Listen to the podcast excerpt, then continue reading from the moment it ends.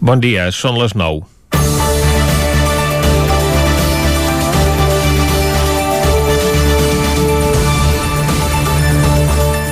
Ahir es va donar una d'aquelles curiositats històriques que s'esperaven després que la selecció espanyola de futbol quedés enquadrada amb Kosovo a la fase de classificació pel Mundial de l'any vinent. Una circumstància que els kosovars no els ve de nou en les competicions internacionals i menys en aquest cas en què es troben al mateix grup amb seleccions d'altres països que, com Espanya, tampoc no es reconeixen la seva independència, com Grècia o Geòrgia. El cas d'Espanya és particular perquè va donar suport a aquest poble de majoria albanesa en el sagnant conflicte amb Sèrbia.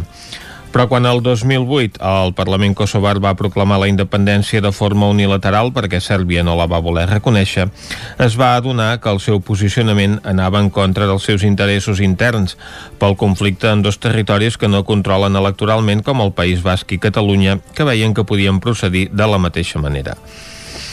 Des de llavors, Espanya s'ha negat a reconèixer la independència kosovar com sí que han fet la majoria dels seus aliats europeus o els Estats Units. Els espanyols s'alineien així amb la seva infamada Rússia i a un reduït grup de països de la Unió Europea com Eslovàquia, Romania o Xipre. De fet, el gran obstacle perquè Sèrbia entri a l'Eurogrup és que es nega a reconèixer la independència de Kosovo. Arran d'aquest partit, l'estat espanyol no ha sabut com procedir. La Federació Espanyola apel·lava al seu rival d'ahir a Sevilla com el territori de Kosovo. I els defensors de la pàtria han carregat contra la Federació Internacional per obligar-los a passar la humiliació d'haver de jugar aquest partit. La UEFA i la FIFA van pressionar perquè el protocol dels himnes i les banderes es fes com corresponia i Televisió Espanyola es va haver d'empassar el gripau d'haver-ho d'emetre.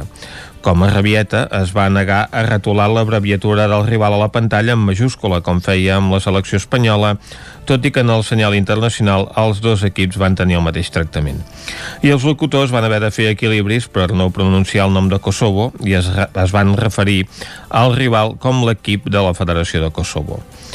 Aquest ridícul internacional passava el mateix dia en què la triple dreta mediàtica en paper carregava les tintes contra el govern espanyol, aprofitant l'última edició de l'informe sobre la situació mundial dels drets humans que cada any elabora la diplomàcia dels Estats Units.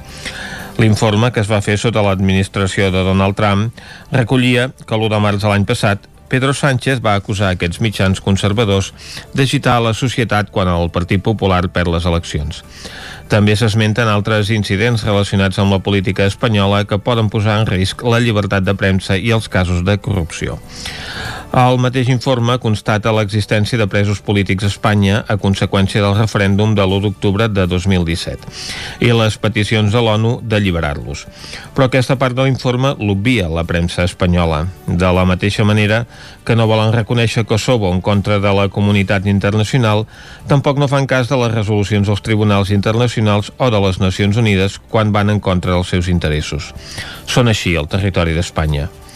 Comencem Territori 17, a la sintonia del 9 FM, la veu de Sant Joan, Ona Codinenca, Ràdio Cardedeu i el 9 TV.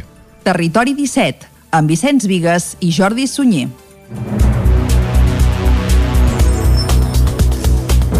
Són les 9 i 3 minuts i mig del dijous, dia 1 d'abril de 2021. Comença aquí un nou Territori 17, el darrer de la Setmana Santa, que avui, durant la primera hora, com sempre, us acostarà tota l'actualitat de les nostres comarques. Després, a partir de les 10, un nou butlletí informatiu, l'entrevista, avui conversarem amb l'alcalde de Cardedeu, anirem al cinema, també amb la Núria Lázaro, ens visitarà en Jaume Espuny, que cada setmana ens acosta algun clàssic musical d'aquells que han fet història, i avui acabarem al punt de les 12 del migdia amb el racó de pensar amb Maria López. Tot això i molt més des d'ara mateix i fins a les 12 del migdia. I com sempre el que fem és arrencar tot fent un repàs a l'actualitat de les nostres comarques, les comarques del Ripollès, Osona, el Moianès i el Vallès Oriental.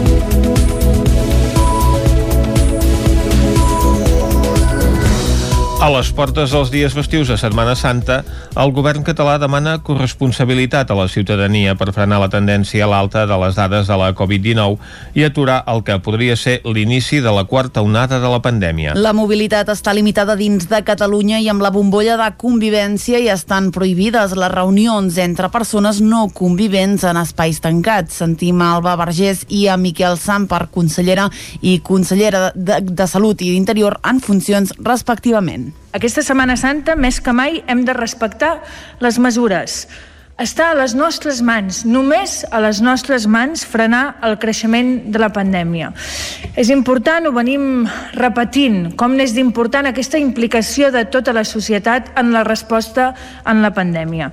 Com a govern hem fet un crit d'alerta davant de la situació que ens trobem. Els últims dies hem deixat de baixar i la corba està tornant a pujar. Podem moure'ns, existeix la mobilitat, el que podem fer, però, està limitat a aquesta interacció només amb la nostra bombolla. Per tant, no és tan important el on fem les coses, sinó el què fem i amb qui ho fem, tinguem-ho això molt present.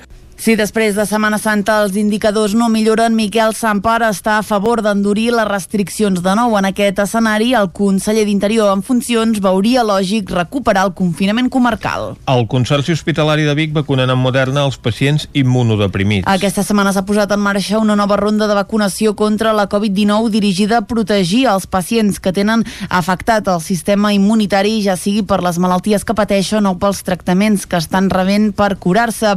Els primers primers a qui ja s'ha començat a administrar la vacuna és als pacients amb càncer. A mesura que arribin noves dosis i d'acord amb les prioritats que ha establert el Departament de Salut, es vacunarà també els que pateixen malalties autoimmunes o el VIH, persones trasplantades i pacients amb diferents patologies que requereixen tractament amb immunosupressors biològics. La vacuna que se'ls administra és la de la farmacèutica Moderna. Es tracta d'una vacuna molt semblant a la de Pfizer. La seva tecnologia la fa extremadament segura alhora que proporciona una altíssima efectivitat contra la Covid, fins al 93,6% amb dues dosis. El primer lot de 500 vacunes de Moderna ja s'està distribuint des del Servei de Farmàcia de l'Hospital Universitari de Vic i està previst anar rebent més remeses al llarg de les properes setmanes.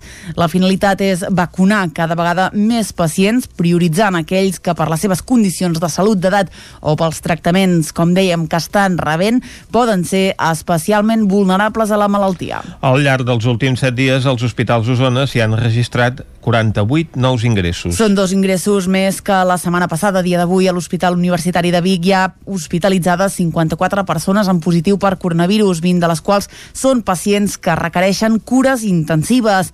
La quantitat de persones ingressades amb resultat positiu ha augmentat en dos pacients eh, respecte a la setmana passada i gairebé, com dèiem, s'ha duplicat el nombre de pacients crítics. En l'última setmana, 8 persones han perdut la vida per causes relacionades al virus. Pel que fa a la campanya de vacunació, a Osona 17.400 persones ja han rebut la primera dosi. Menys de la meitat, gairebé 8.000 persones, han rebut les dues. Les dades d'evolució de la Covid a Caldes es mantenen estancades. La població manté el nivell de risc de brot de Covid-19 al nivell més alt possible, amb un índex de 268 punts. Caral Campàs, des d'Ona Codinenca. La xifra ha disminuït lleugerament respecte als 279 punts d'ahir i la taxa de reproducció del virus ha passat del 0,96 a 0,89 a dia d'avui. Però a nivell general l'evolució i els contagis es mantenen estancats a la població i el nivell de rebrot és molt alt. Pel que fa a les dades que ofereix l'Agència de Qualitat i Avaluació Sanitàries, Caldes ha sumat 27 casos de Covid als últims 6 dies que s'afegeixen a un total acumulat de 1.060 des de l'inici l'inici de la pandèmia. Sobre les dades de vacunació que aporta el grup de recerca Biocom, després que la setmana passada mostrés un major nombre d'injeccions de la segona dosi, aquesta vegada ofereix una tendència en el sentit contrari. D'aquesta manera, des de la setmana passada, 445 persones residents a l'àrea bàsica de salut que inclou Caldes, Sant Feliu de Codinàs i Gallifa han rebut la primera dosi de la vacuna contra la Covid. En concret, ja s'ha administrat a 2.575 habitants que corresponen a un un 10,76% de la població. En canvi, en el mateix període, només 64 persones han rebut la segona injecció, de manera que hi ha un 5,5% de la ciutadania que ha rebut les dues dosis respecte al 5,26% de la setmana passada. Tot i les restriccions pel que fa a les reunions, aquest any no ens quedarem sense mones. Les postres més clàssiques de la Setmana Santa ja omplen les pastisseries de Cardedeu amb les figures més curioses fetes amb xocolata. David Auladell, de Ràdio Televisió, Cardedeu. Cada any se'n venen milers i alguns dels pastissers més destacats hi dediquen les seves creacions més arriscades. L'oferta de mones al nostre país és molt més variada que no sembla al primer cop d'ull i va més enllà de les modes més comercials. Escoltem a Florent Montoya, pastisser. Es demana molt el tema del Disney, Frozen, Nimios, la patrulla canina, el, el que és el tema de, de les vinyetes encara tira molt. Però si jo tinc que escollir alguna de, de preferida, escolliria el Palau de Gel. No? És un Palau de Gel, són quasi 800 grams de xocolata i és en rosa i és espectacular. Un altre dels elements de la mona de Pasqua i que també evoluciona són els ninos que acompanyen el pastís. Des dels clàssics pollets i passant pels ninos de plàstic, ara arriben els ninos comestibles. Florent Montoya. Les figuretes són, són artesanals, estan fetes a Itàlia i totes són de gominola i de sucre i són totalment personalitzades amb el temps. Tens els, els minios, per exemple, com pots tindre un drac, com pots tindre un patito, etc. I es menja tot, menys les plumes, es menja tot aquí. Mones de tots els gustos i colors per satisfer tots els paladars. I si entre tanta oferta algú encara no troba la seva combinació ideal, no patiu que per Setmana Santa sempre ens quedaran Camp de Bànol opta per fer una exposició de la processó de la Setmana Santa. Isaac Muntades és a la veu de Sant Joan. Des que es va recuperar la processó dels Sants Misteris de Can de Bànol l'any 2007, només s'ha suspès dues vegades, l'any 2009 per culpa d'un intent xàfec i l'any passat per l'arribada de la pandèmia de la Covid-19. Aquest serà el tercer any i el segon consecutiu que la processó no podrà sortir a desfilar pels carrers del municipi, però els amics de la processó de Setmana Santa de Can de Bànol s'han reinventat i han optat per fer una exposició a l'antic local de la Zigazaga, a la plaça de la Mainada. El president de l'entitat, Eduard Roma, explicava que hi podran veure els visitants. Hi podem veure maquetes dels passos, de la Zigazaga Cristòfol, la dolorosa, vestits dels armats, vestes i instruments de banda. Això es pot veure cada dia. Penseu que vàrem obrir el dia de Rams. A quines hores? Tot el dia és obert. Important, de manera a veure. Divendres, Sant, a les 7 de la tarda. En el mateix local de l'exposició hi haurà una cantada en part del tenor Jordi Galany, cantada gravada, eh? I després la banda dels armats de Can Drano faran una tamborinada en honor de la processó. Aquesta exposició es podrà veure fins al dilluns de Pasqua i des de l'entitat intentaran reproduir un vídeo de l'antiga processó del 1962, un dels últims anys que es va fer, ja que el 1965 es va deixar de fer perquè van pavimentar els carrers del poble i va perdre la continuïtat, fins que es va recuperar al cap de 42 anys. Roma va apuntar que després de dos anys seguits sense sortir es fa difícil tornar-hi, però ho intentaran encara que no tinguin massa clar el relleu generacional. Aquesta processó donarà la de la gent vulgui. I penso que aquí, aquí hem de poder participar molt del jovent. El jovent penso que té el clau. Nosaltres, des de la Junta, podem tenir iniciatives, podem tenir ganes de fer coses, podem tenir, no sé, mil de recursos. Però si no som pujats pel, pel jovent, tenim un problema. De totes maneres, aquesta processió de salut, eh? Penseu que nosaltres hem anat inclús per poder eh, captar gent eh, perquè formi part de la processó. Estic parlant de gent que vagi de, de, de figurant, gent que vagi empenyent carrosses, els improperis. Hem anat a les escoles i m'agradaria que tots els que estiguin interessats no de ser Can Davant, eh? poden ser de la comarca, poden venir a apuntar-se en el moment que vulguin. Roma apuntava que només es necessiten dedicar dues hores a l'any per fer de figurant i 10 per fer d'armat, ja que en aquest darrer cas sí que s'ha de fer un assaig previ. La processó de Can de Bànol compta amb uns 260 figurants i porta unes 4.000 persones al poble en un any normal. A més, la processó de Can de Bànol és la més viva del món i compleix tres requisits que la fan especial. Els figurants fan la funció d'imatges i estan sobre una carrossa o un veiart estàtics i muts. Un total de 13 concerts integren la programació del quart festival Encanta, que tindrà lloc a Roda de Ter entre els dies 13 i 16 del proper mes de maig. La voluntat de l'organització de l'Encanta és la d'acostar al públic propostes de qualitat en diferents escenaris de roda. S'hi han programat 13 concerts d'artistes amb estils i propostes molt diverses que donen la màxima plenitud al concepte de cantautor. Alba Carmona, l'Escruet, Pau Alabajos, Ariana Becasis, Lia Sant Pau, Maria Jaume, Gerard Aledo o Magalí Sare formen part del cartell d'aquesta edició, ho explica Jaume Salés, tècnic de cultura de l'Ajuntament de Roda de Ter.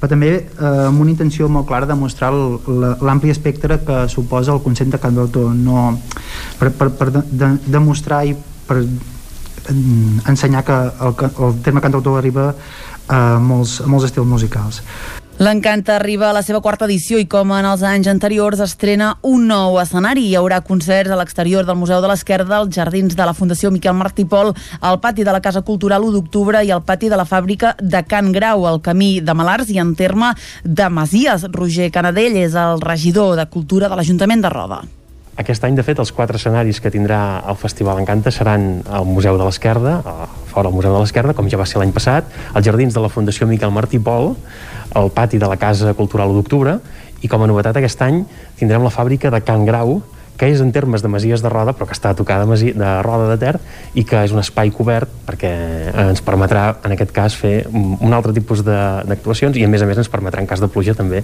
poder-nos-hi aixoplugar, però recuperem eh, un espai industrial en condicions per fer-hi una activitat cultural. La presentació de l'Encanta va tenir una prèvia amb el concert de presentació de Nico Roig el passat dia 19 de març. Acabada la roda de premsa, el grup Alumco va fer versions d'alguns dels artistes que han actuat en les edicions passades de l'Encanta.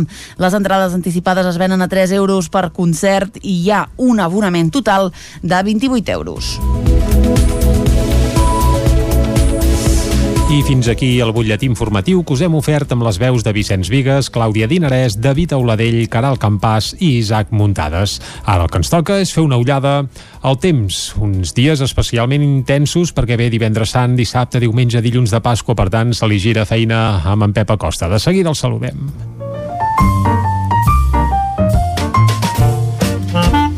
Casa Terradellos us ofereix el temps. Doncs vinga, Pep, molt bon dia. Hola, molt bon dia. I molt bona hora. Què tal esteu? Bé. Ara sí que estem al nucli central de la Setmana Santa, avui ja dijous sant, i faig cara, no me veieu, però també faig veu, no. de desànim, Ara, pla. de, no sé, d'anticicló, de que havien de venir canvis i no venen, mm, en definitiva, un un espai meteorològic que no... Bueno, no sé, jo volia una mica de moviment, que hi haguessin canvis... Home, alguns ja ens va bé, eh? Una mica de pluja, bo. que fa molts dies que no plou, ni mm. neva, el Pirineu està pelat, uh, mm. molt malament. Uh, hi ha una disbauxa de temperatures mínimes aquesta nit impressionant. Uh, hi ha hagut unes mínimes d'uns 9-10 graus de per exemple. Uh, també algunes zones mitges del Pirineu i ha glaçat a zones baixes, eh, com Sant Pau de Segúries, eh, zones més enclotades com Sant Pau de Segúries, eh, també ha fet fred algunes zones enclotades del, del prelitoral, no sé, no, no, no m'agrada gens aquesta pols en suspensió que tenim i que ja és la tercera o quarta vegada que es repeteix aquest any 2021 mm -hmm. no sé, no, no m'agrada gens aquest panorama meteorològic que estem tenint. I amb aquest vent de sud la temperatura puja. Sobretot això, eh, les zones mitjanes es disparen en aquestes zones temperatures. Uh, I avui les màximes entre 20 i 25 graus, demà també, mm, sol així, eh? Sol així, uh, molt, molt mala visibilitat, entanyinat, i només demà a la tarda que s'haurà un núvol al Pirineu i pot haver-hi alguna precipitació. Molt poca cosa. De cara a dissabte també molt tranquil·litat, eh, cap pluja, i l'única novetat és que de cara a diumenge hi haurà un canvi de tendència meteorològica, un canvi de situació. Entrarà una petita perturbació de nord, vent de nord, i això farà eh, que hi hagi un gir eh, de guió total pel que fa al temps. Uh, uh, atenció, precaució perquè s'ha d'agafar amb pinces això que encara queda molts dies sí, i els mapes molt. estan ballant molt un dia rere l'altre. El que diuen ara és això, que diumenge entra vent de nord, s'han portat aquesta mala visibilitat, s'han portat la, la por sahariana i tindrem un dia excel·lent, amb una visibilitat excel·lent i amb unes temperatures més baixes i s'acabarà aquesta dius baixa, temperatures que en zones mitjanes ja en fa molta calor, en zones baixes no tanta, uh, s'acabarà això i les temperatures es normalitzaran, fins i tot una mica més freds del normal a les zones de muntanya. No es preveuen precipitacions, ni diumenge ni dilluns. Però això sí, aquest canvi de tendència, aquesta entrada de vent de nord, que farà que es vegi tot una mica diferent. I això és tot. Uh, disfrutar aquesta Pasqua, disfrutar la Setmana Santa. Recordeu, avui, demà i fins i tot dissabte, aquesta entrada pols de, del Sàhara, aquests vents de sud, que fan que la temperatura es dispari, hi hagi una disbauxa de temperatures. Uh -huh. uh, M'agrada la disbauxa, ja molts cops.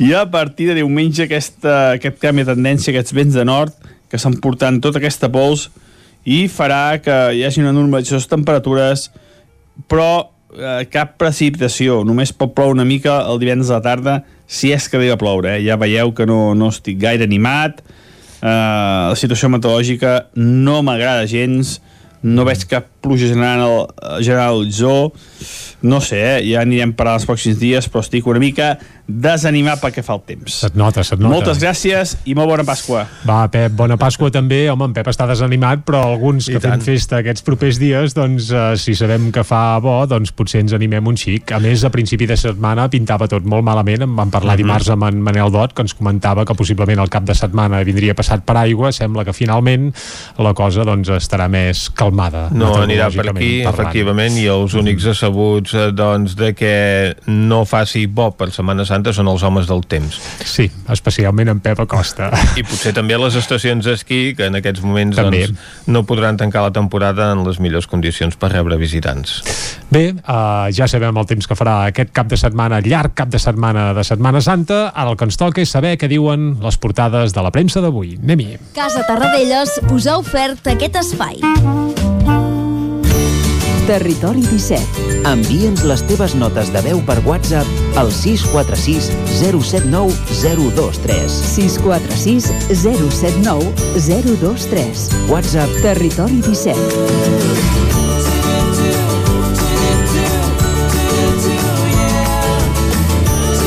Territori 17. Som a Facebook, Twitter i Instagram amb l'usuari Territori 17.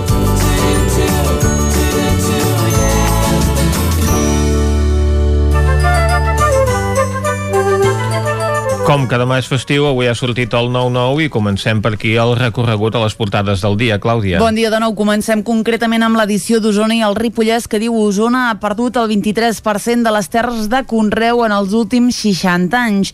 Cada any es perd l'equivalent a 190 camps de futbol que passa a ser majoritàriament eh, bosc. La imatge, la Covid també afecta als nens. 2.7 dies a l'UCI. Més titulars de l'edició d'Osona i el Ripollès, l'Hospital de Vic, el límit de pacients per la coincidència de la Covid amb altres patologies, dispositiu al coll Cabra per evitar aglomeracions els dies forts de Setmana Santa i Ripoll obre una investigació interna per l'actuació d'un agent de la policia. Anem a l'edició del Vallès, que diu només el 28% dels majors de 80 anys que viuen a casa tenen les dues vacunes. El 94% de la gent gran que viu a residències ja ha rebut les dues dosis del vaccí contra la Covid-19. A la imatge, Sant Martí torna a ser l'alcaldessa de Sant Fost gràcies als comuns i Granollers aprova un nou pla de xoc d'1,7 milions contra la coronacrisi. Anem ara a veure de què parlen els diaris catalans. Comencem, com sempre, amb el punt avui, que obre amb unes declaracions de Carme Forcadell, que diu no tinc cap dubte que s'investirà Aragonès. Forcadell parla de Borràs, diu se sentirà sol, estic d'acord amb ella, però haurà de pensar en les conseqüències de les decisions. Pel que fa a la crisi del coronavirus, vacunació rècord en un dia, n'espera de si les dades empitjoren i en esports el Barça entre les quatre, els quatre millors d'Europa.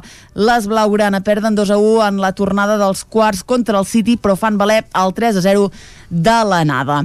Anem al diari Ara que diu Salut demana precaució per alentir la quarta onada. Els contagis continuen pujant a les portes de Setmana Santa, però no hi haurà més restriccions. A la imatge França tanca les escoles i la pandèmia dispara l'estalvi familiar al nivell més alt en 20 anys.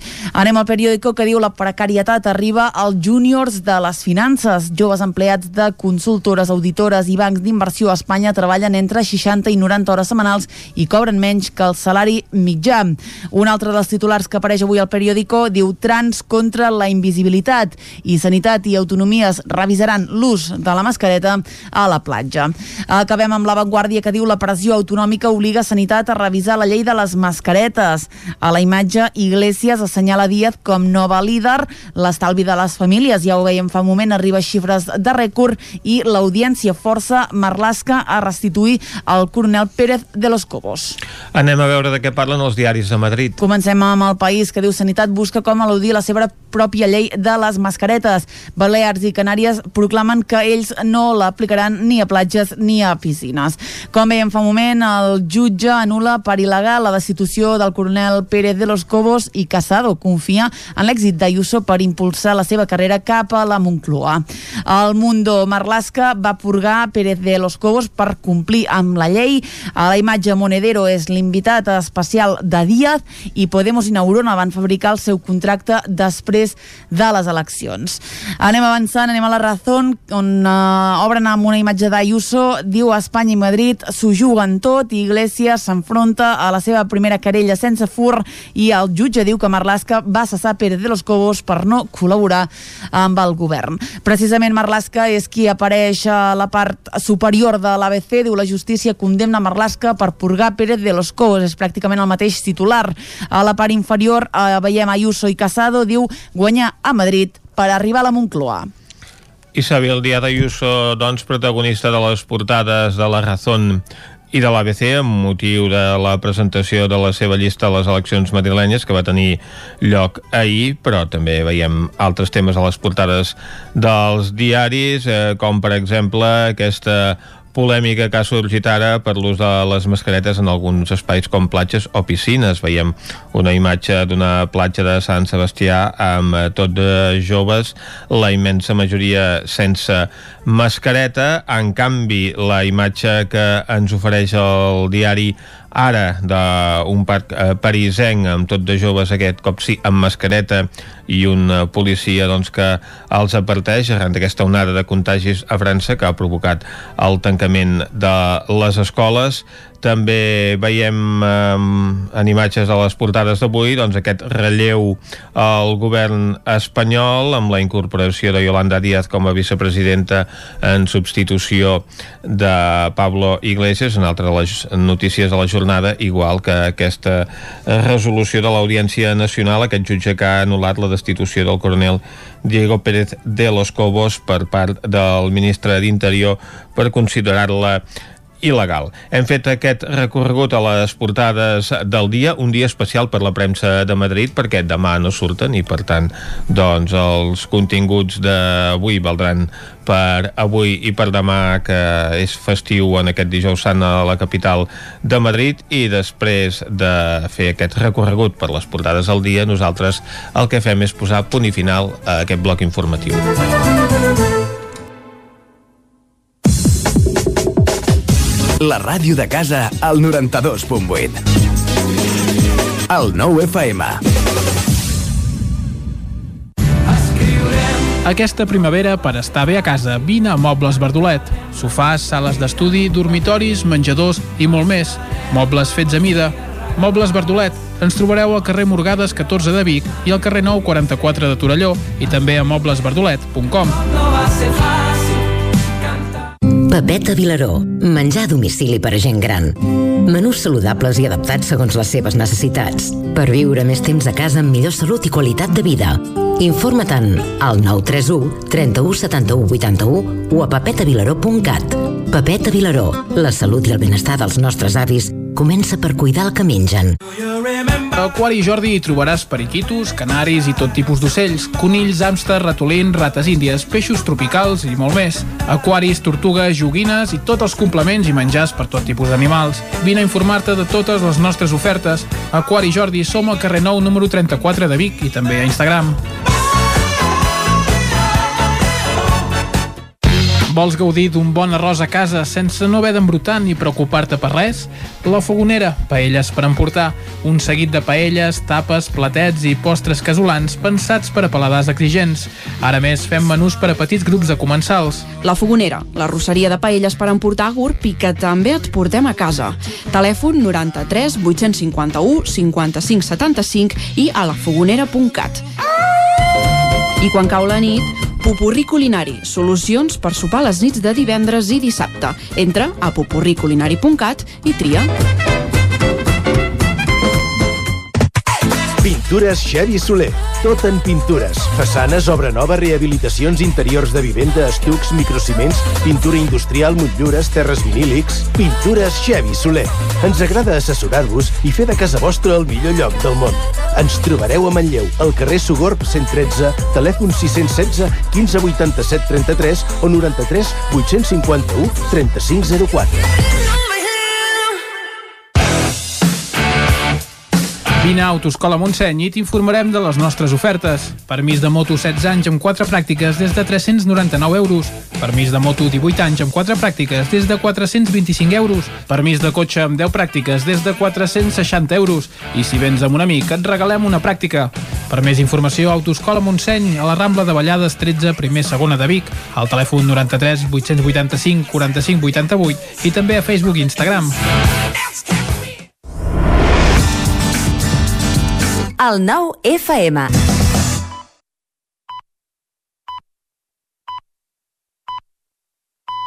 Territori 17, amb Vicenç Vigues i Jordi Sunyer.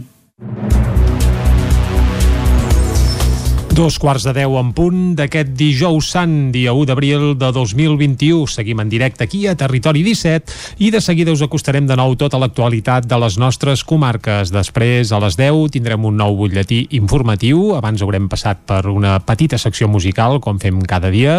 També tindrem entrevista avui amb l'alcalde de Cardedeu. Anirem al cinema amb la Núria Lázaro. Ens visitarà en Jaume Espuny, que habitualment el tenim aquí els divendres, però com que demà és festiu, doncs el tenim avui per acostar-nos a algun clàssic musical d'aquells que han fet història i avui, entre moltes d'altres coses, acabarem amb el racó de pensar amb Maria López. Tot això i molt més ho farem des d'ara mateix i fins a les 12 del migdia. I el que toca ara és acostar-vos de nou l'actualitat de casa nostra, l'actualitat de les comarques del Ripollès, Osona, el Moianès i el Vallès Oriental. A les portes dels dies festius de Setmana Santa, el govern català demana corresponsabilitat a la ciutadania per frenar la tendència a l'alta de les dades de la Covid-19 i aturar el que podria ser l'inici de la quarta onada de la pandèmia. La mobilitat està limitada dins de Catalunya i amb la bombolla de convivència i estan prohibides les reunions entre persones no convivents en espais tancats. Sentim a Alba Vergés i a Miquel Sampar, consellera i consellera de, de Salut i d'Interior en funcions respectivament. Aquesta Setmana Santa, més que mai, hem de respectar les mesures. Està a les nostres mans, només a les nostres mans, frenar el creixement de la pandèmia. És important, ho venim repetint, com n'és d'important aquesta implicació de tota la societat en la resposta en la pandèmia. Com a govern hem fet un crit d'alerta davant de la situació que ens trobem. Els últims dies hem deixat de baixar i la corba està tornant a pujar. Podem moure'ns, existeix la mobilitat, el que podem fer, però, està limitat a aquesta interacció només amb la nostra bombolla. Per tant, no és tan important el on fem les coses, sinó el què fem i amb qui ho fem, tinguem-ho això molt present. Si després de Setmana Santa els indicadors no milloren, Miquel Sampar està a favor d'endurir les restriccions de nou. En aquest escenari, el conseller d'Interior en funcions veuria lògic recuperar el confinament comarcal. El Consorci Hospitalari de Vic vacunen amb Moderna els pacients immunodeprimits. Aquesta setmana s'ha posat en marxa una nova ronda de vacunació contra la Covid-19 dirigida a protegir els pacients que tenen afectat el sistema immunitari, ja sigui per les malalties que pateixen o pels tractaments que estan rebent per curar-se. Els primers a qui ja s'ha començat a administrar la vacuna és als pacients amb càncer. A mesura que arribin noves dosis i d'acord amb les prioritats que ha establert el Departament de Salut, es vacunarà també els que pateixen malalties autoimmunes o el VIH, persones trasplantades i pacients amb diferents patologies que requereixen tractament amb immunosupressors biològics. La vacuna que se'ls administra és la de la farmacèutica Moderna. Es tracta d'una vacuna molt semblant a la de Pfizer. La seva tecnologia la fa extremadament segura alhora que proporciona una altíssima efectivitat contra la Covid, fins al 93,6% amb dues dosis. El primer lot de 500 vacunes de Moderna ja s'està distribuint des del Servei de Farmàcia de l'Hospital Universitari de Vic i està previst anar rebent més remeses al llarg de les properes setmanes.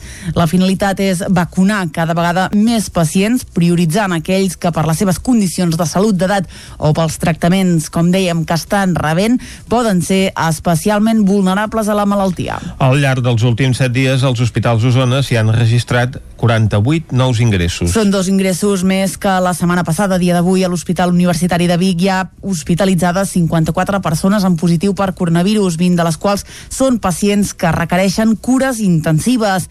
La quantitat de persones ingressades amb resultat positiu ha augmentat en dos pacients eh, respecte a la setmana passada i gairebé, com dèiem, s'ha duplicat el nombre de pacients crítics. En l'última setmana, 8 persones han perdut la vida per causes relacionades al virus. Pel que fa a la campanya de vacunació, a Osona 17.400 persones ja han rebut la primera dosi.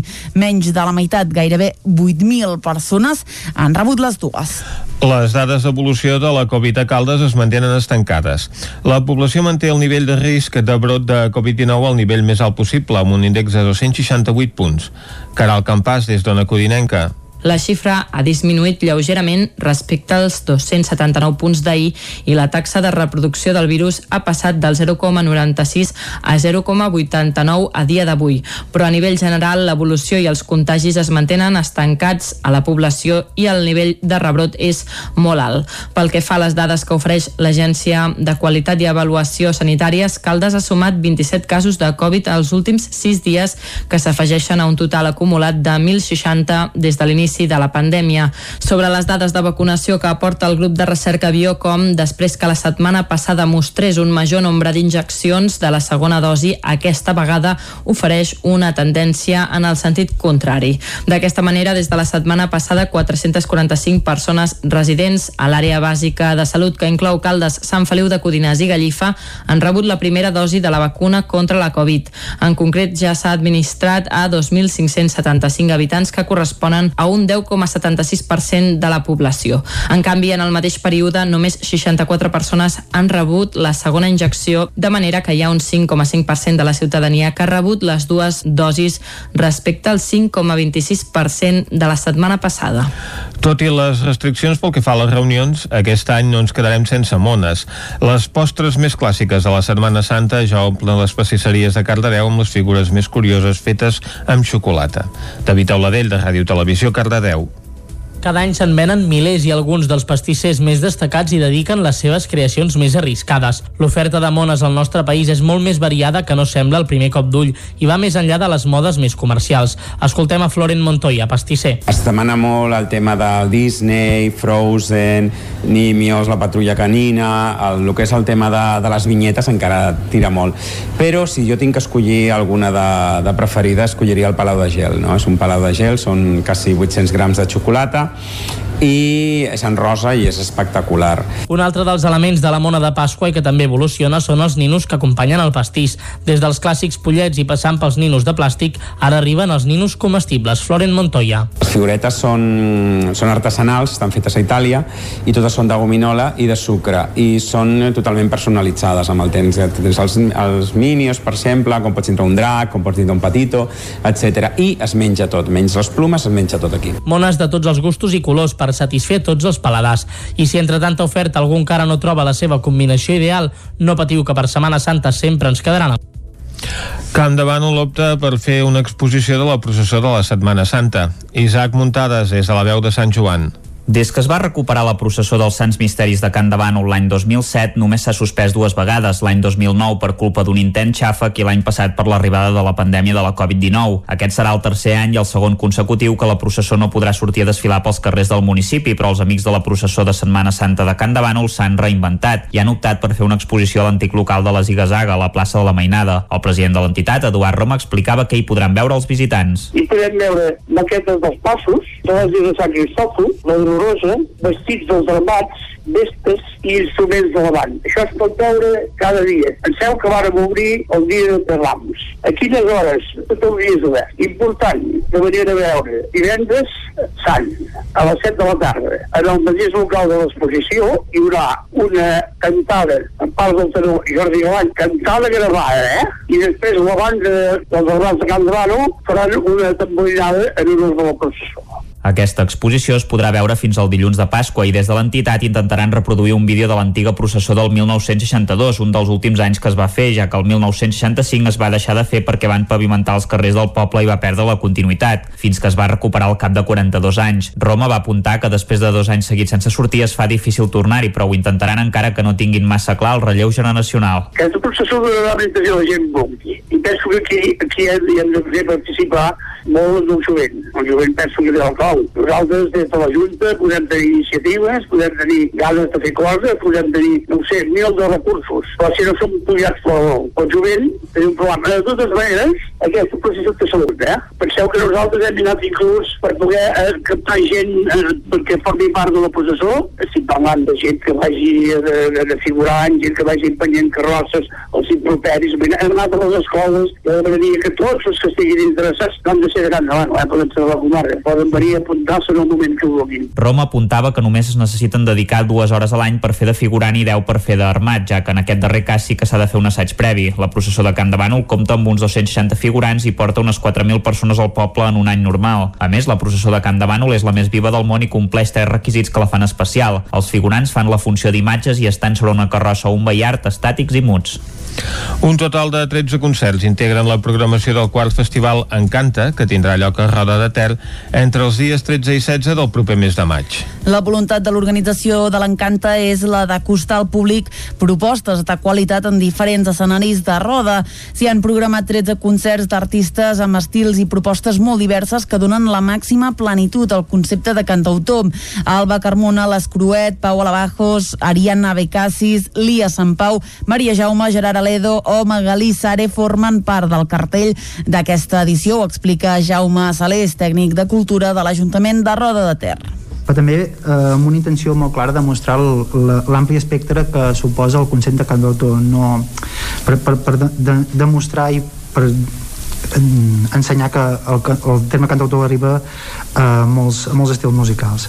L'Encanta arriba a la seva quarta edició i com en els anys anteriors estrena un nou escenari. Hi haurà concerts a l'exterior del Museu de l'Esquerda, als jardins de la Fundació Miquel Martí Pol, al pati de la Casa Cultural 1 d'octubre i al pati de la fàbrica de Can Grau, al camí de Malars i en terme de Masies. Roger Canadell és el regidor de Cultura de l'Ajuntament de Roda.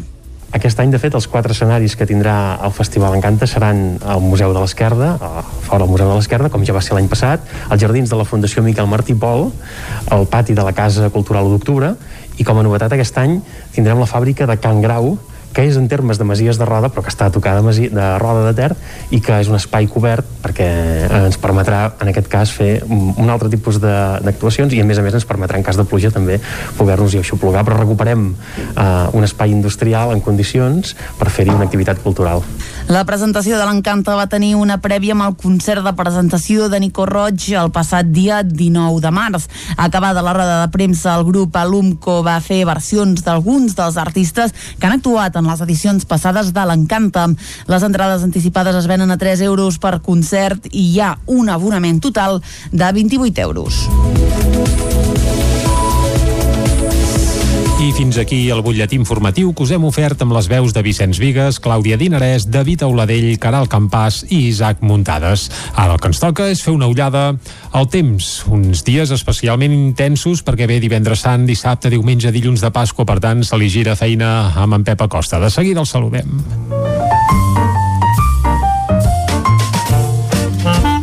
Casa Terradellos us ofereix el temps. Doncs vinga, Pep, molt bon dia. Hola, molt bon dia. I molt bona hora. Què tal esteu? Bé. Ara sí que estem al nucli central de la Setmana Santa, avui ja dijous sant, i faig cara, no me veieu, però també faig veu, no. de desànim, Ara, clar. de, no sé, d'anticicló, de que havien de venir canvis i no venen, mm, en definitiva, un, un espai meteorològic que no... Bueno, no sé, jo volia una mica de moviment, que hi haguessin canvis... Home, alguns ja ens va bé, eh? Una mica de pluja, bo. que fa molts dies que no plou, ni neva, el Pirineu està pelat, uh, molt malament.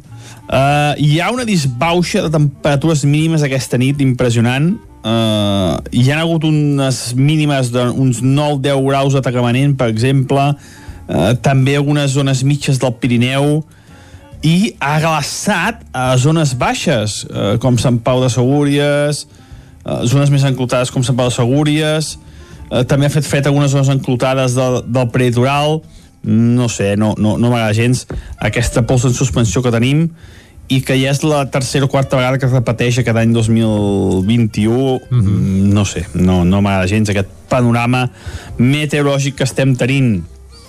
I amb aquest vent de sud la temperatura puja, sobretot això, eh, les zones mitjanes. Es disparen en aquestes zones temperatures.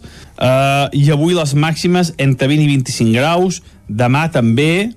Mm, sol així, eh, sol així. Uh, molt, molt mala visibilitat entrenyinat i només demà a la tarda que s'haurà un núvol al Pirineu i pot haver-hi alguna precipitació. Molt poca cosa. De cara dissabte també molta tranquil·litat. Eh, cap pluja i l'única novetat és que de cara a diumenge hi haurà un canvi de tendència meteorològica, un canvi de situació. Entrarà una petita perturbació de nord, vent de nord, i això farà eh, que hi hagi un gir eh, de guió total pel que fa al temps. Mm, eh, atenció, precaució, perquè s'ha d'agafar amb pinces això que encara queda molts dies Sí, i els mapes molt. estan ballant molt un dia rere l'altre. El que diuen ara és això, que diumenge entra vent de nord, s'emportarà tota aquesta mala visibilitat, s'emportarà la, la pols sahariana i tindrem un dia excel·lent, amb una visibilitat excel·lent i amb unes temperatures més baixes i s'acabarà aquesta bauxa. De temperatures que en zones mitjanes ja en fa molta calor, en zones baixes no tanta, uh, s'acabarà això i les temperatures es normalitzaran, fins i tot una mica més fredes del normal a les zones de muntanya. No es preveuen precipitacions, ni diumenge ni dilluns. Però això sí, aquest canvi de tendència, aquesta entrada de vent de nord, que farà que es vegi tot una mica diferent. I això és tot. Uh, disfrutar aquesta Pasqua, disfrutar la Setmana Santa.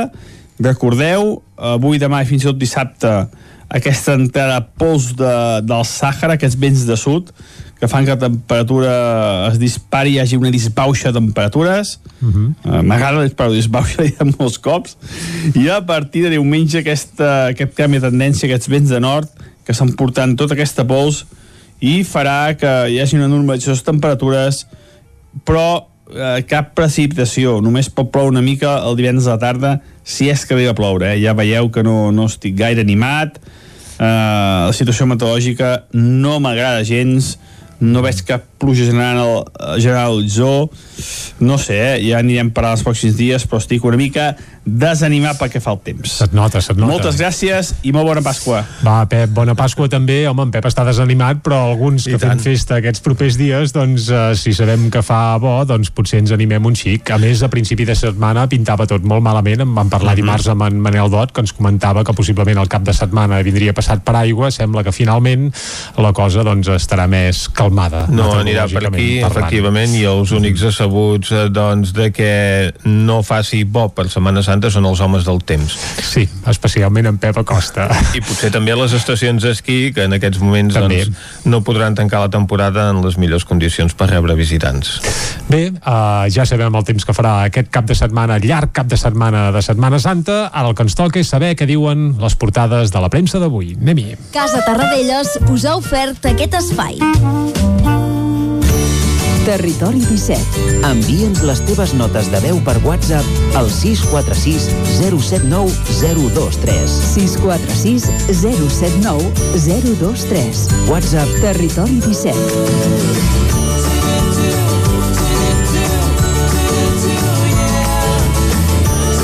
Territori 17. Som a Facebook, Twitter i Instagram amb l'usuari Territori 17.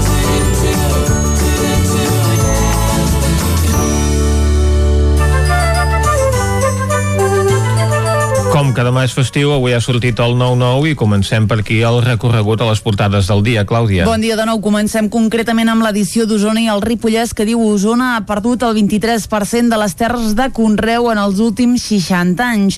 Cada any es perd l'equivalent a 190 camps de futbol que passa a ser majoritàriament eh, bosc. La imatge, la Covid també afecta als nens. 2.7 dies a l'UCI.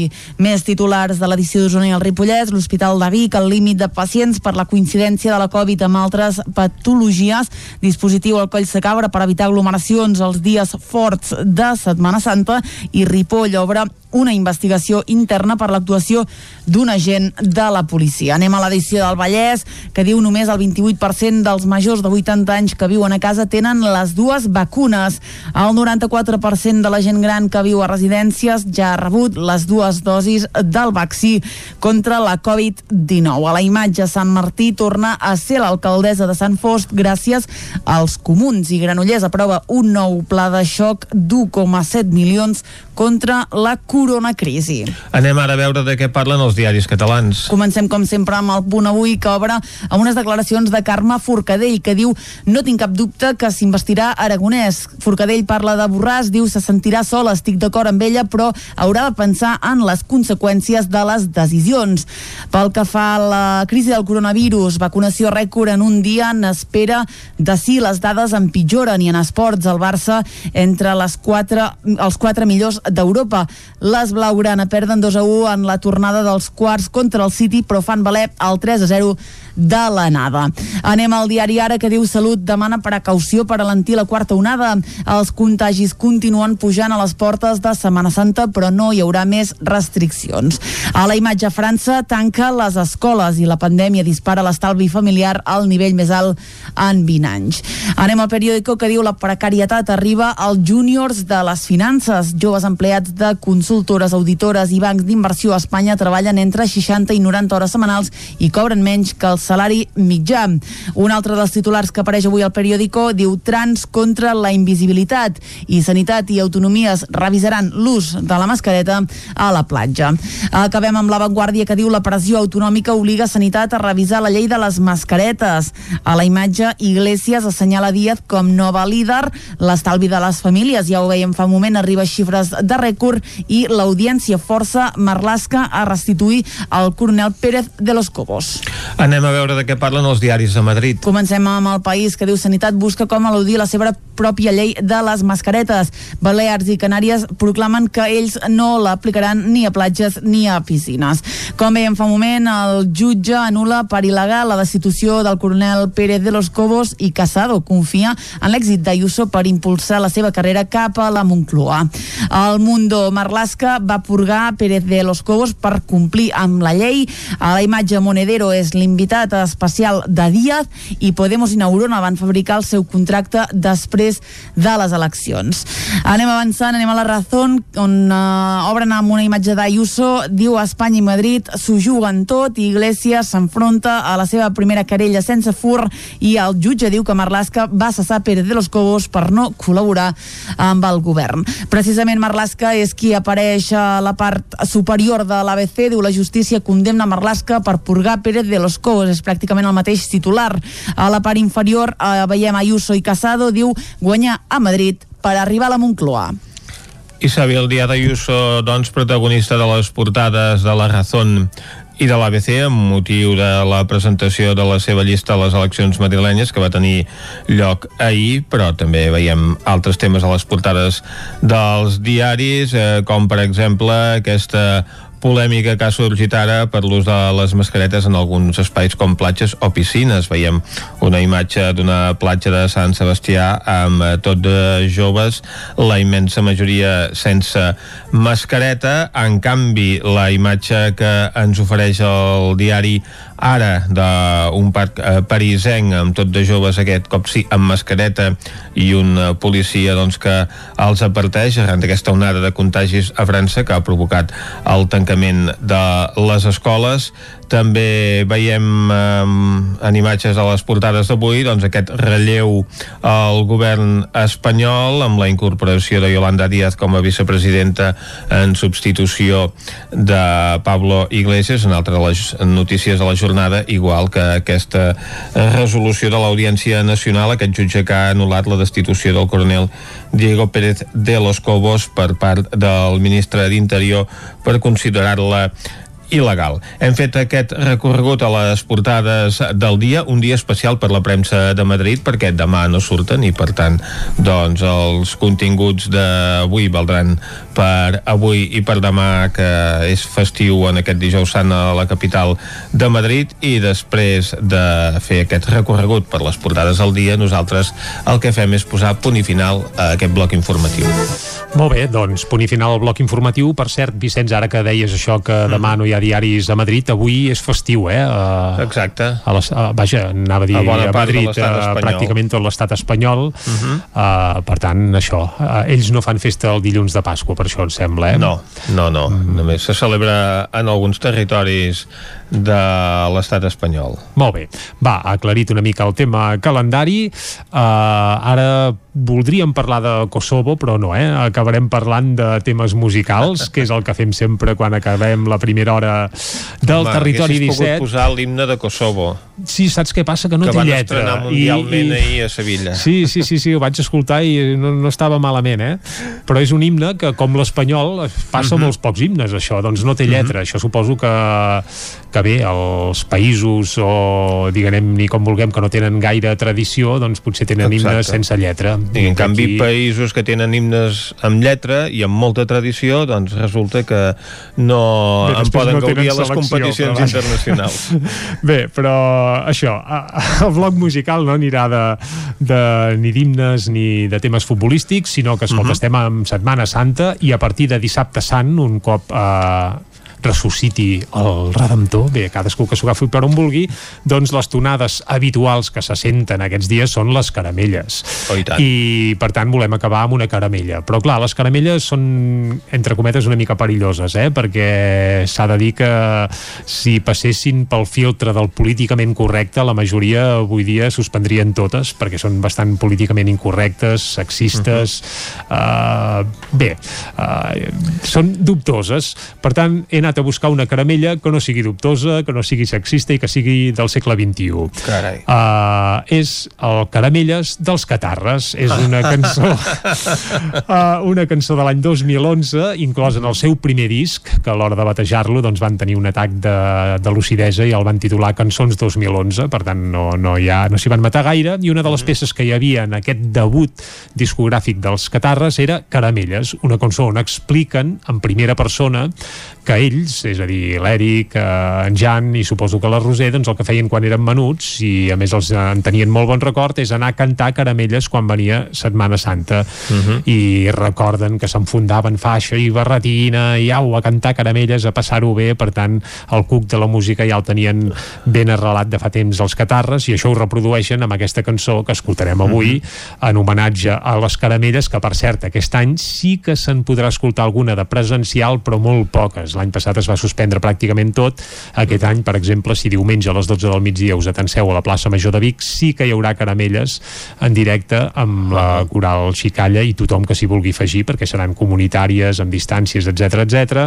A Sant Julià de Vilatorta s'estrenarà una cobla, la cobla Vilatorta, que interpretarà caramelles, això sí, no serà una cantada convencional, però vaja, algú hi haurà. Anem ara per això amb les caramelles Jo feia caramelles Dels Catarres. Oita que em feien caramelles. Mestra ens deia que ens poséssim rectes com penjant d'un fil. O els dilluns de Pasqua, els nens amb barretina i faixa, els nenes de pubilles. Cantàvem per les places i els carrers. Diu... Que bonic, eh? Aquest caramelles dels catarres. Doncs amb això arribarem fins al punt de les 10 aquí a Territori 17.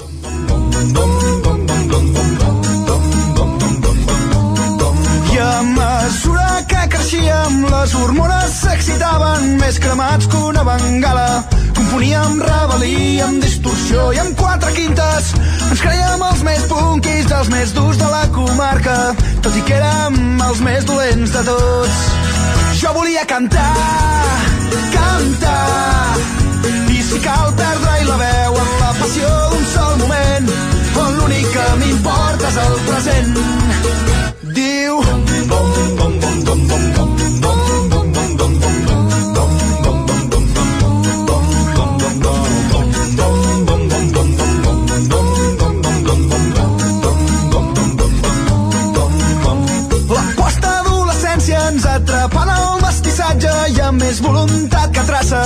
Atrevíem a mesclar tots els estils i amb l'innocència pròpia dels autodidactes vam cometre mil errades i d'alguna en vam aprendre la lliçó.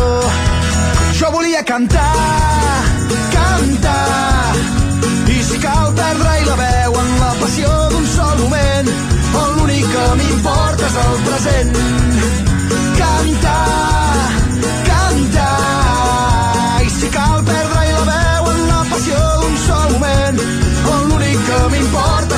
present.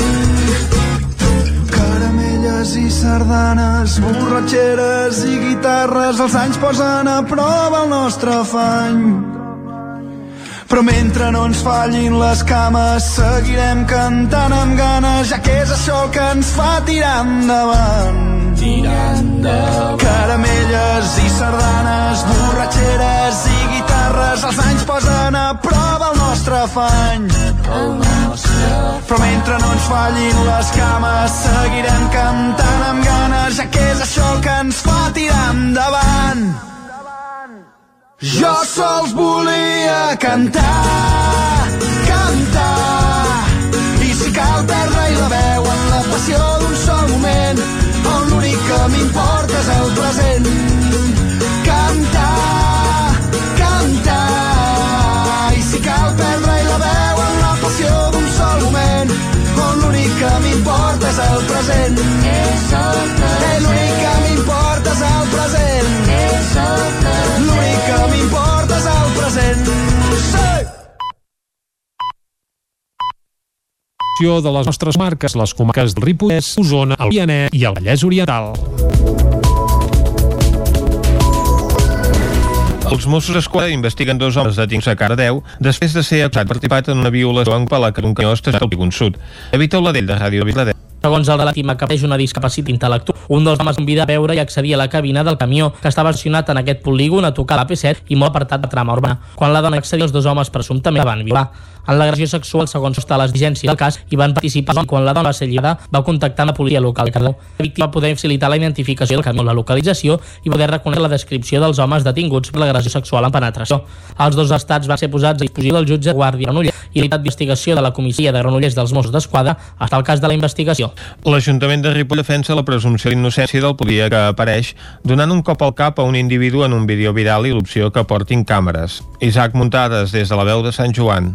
El vídeo que es va fer viral a través de les xarxes socials on apareix un agent de la policia local i colpejant el cap a una persona que anava sense mascareta pel municipi davant del Banc Sabadell el passat 14 de març entrà al debat del ple d'aquest dimarts. La regidora d'Esquerra Republicana de Catalunya, Chantal Pérez, va dir que el seu grup encoratjava la policia a ser contundent davant d'actituds incíviques que puguin provocar contagis de coronavirus, però també va demanar que es depuressin responsabilitats. Que seria necessari que s'iniciés una investigació interna i que, tot i que creiem en la presumpció d'innocència de la gent i que, evidentment, l'autoritat té el principi de presumpció de veracitat, que sembla que n'han sortit totes les imatges, el que és innegable és que surt un agent donant cops de porra al cap d'una persona i que això és un, una actuació no permesa en els protocols. Per tot això, i entenem per la pròpia dignificació de la policia local, que és necessari iniciar aquesta investigació. La regidora de Seguretat Ciutadana de Junts per Ripoll, Dolors Vilalta, va recordar que actualment el jutjat de primera instància número 1 de Ripoll està investigant els fets i que els hi han demanat les càmeres de la zona per saber què va passar. Per tant, també va reclamar la presumpció d'innocència de la gent. L'alcalde Jordi Monell va aclarir que s'ha encarregat un informe intern al cap de la policia i va incidir en què la gent va haver de rebre atenció mèdica a l'Hospital de Camp de Bànol i va denunciar l'agressió que va patir. Precisament més tard, la regidora no escrita Sílvia Oriols va acabar retirant una moció en què demanava la incorporació de petites càmeres pels uniformes dels agents, que ajudarien a identificar els infractors i protegir els agents de falses denúncies. Una moció que no era el primer cop que es presentava. És també, com poden veure, una moció que ja havíem presentat, a la que tots vostès van votar-hi en contra. Si l'hem recuperat és perquè considerem que realment beneficiaria la policia local de Ripoll i de retruc tota la ciutadania. Si la mesura s'hagués aprovat i implantat quan vam proposar-la, avui tindríem la descripció exacta dels fets que es van produir davant el caixer automàtic del Banc de Sabadell el passat 14 de març. I, en canvi, sols en tenim una visió castrada i sense so que beneficia clarament els infractors.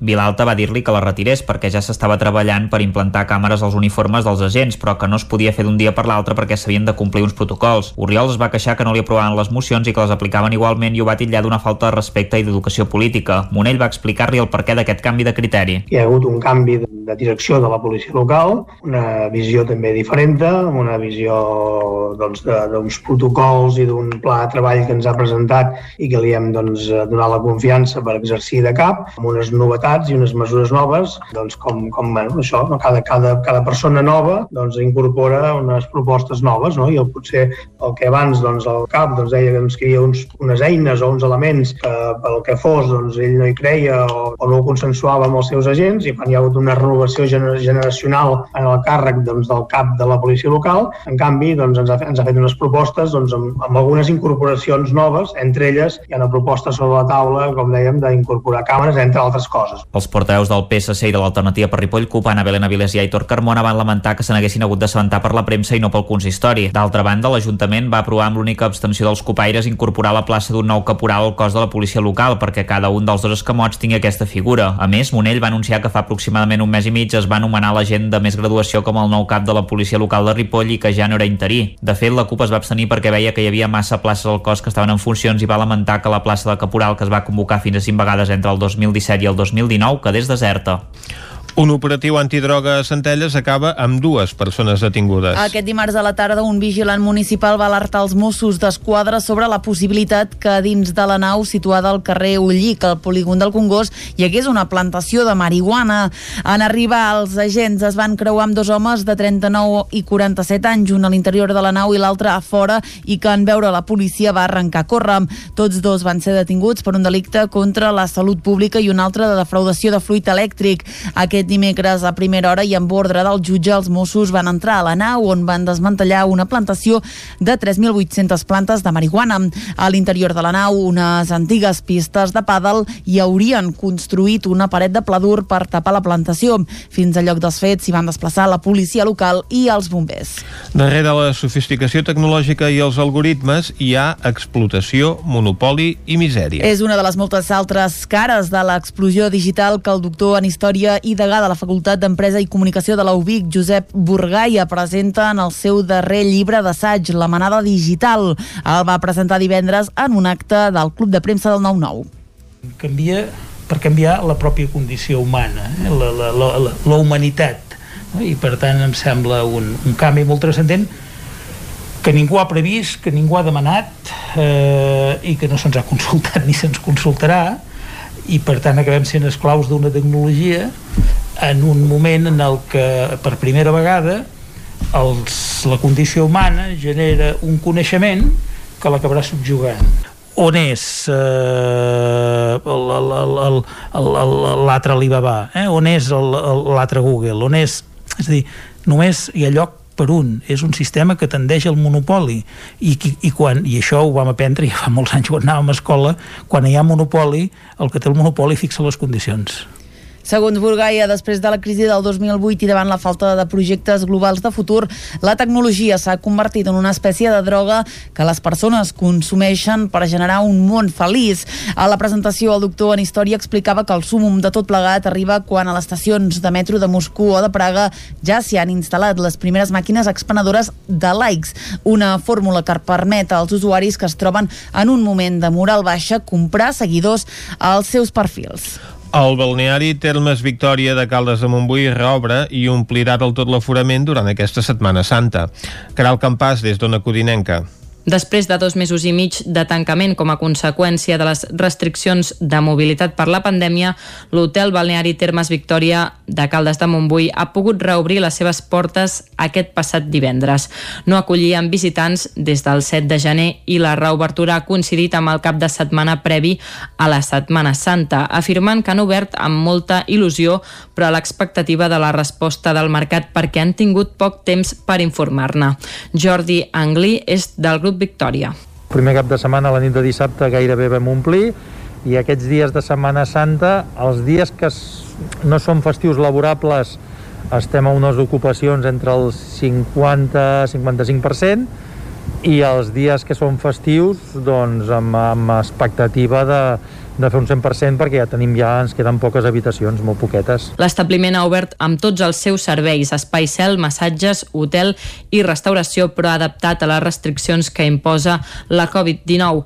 En alguns espais, com ara el restaurant, es fan torns per evitar aglomeracions i el bufet lliure s'adapta a racions individuals. Nosaltres teníem un, tenim i, i esperem després tornar a tenir un client, doncs, diguéssim, que et fa una estada més llarga, d'una edat més avançada, gent més de 70, 80 anys, que lògicament d'aquest client ara en tenim molt poquet, i estem tenint molt, molt, molt client, gent jove que fa una escapada d'un, dos dies, sobretot amb un període de maduració de la reserva molt curta, amb reserven a un, dos, tres dies del, del dia de, del dia venir a fer l'estada i, i gent més jove. A diferència d'anys anteriors, han perdut el client estranger i el que venia de l'estat espanyol, però el de l'àrea metropolitana el tenen encara com a alternativa a no poder sortir de Catalunya.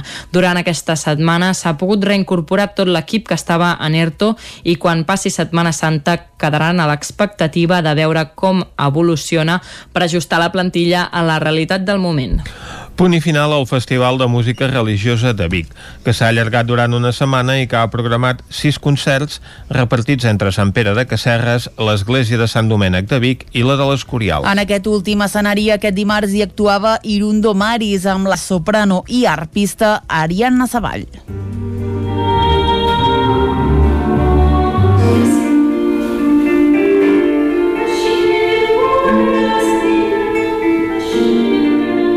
Un recorregut per cançons d'amor de diferents èpoques i d'una dotzena de països i regions, des d'Escandinàvia fins a Catalunya, passant per Àustria, Itàlia, Catalunya o Xile. És el viatge d'Amore que oferien aquest dimarts al vespre a l'Església de l'Escorial Irundo Maris i la formació d'Ariadna Savall, Peter Utland i Miquel Àngel Cordero. L'actuació dins del Festival de Música Religiosa de Vic també va permetre sentir alguns temes del nou disc d'Ariadna Savall, titulat El laberint d'Ariadna i és un disc on estic sola per primer cop amb, amb les arpes.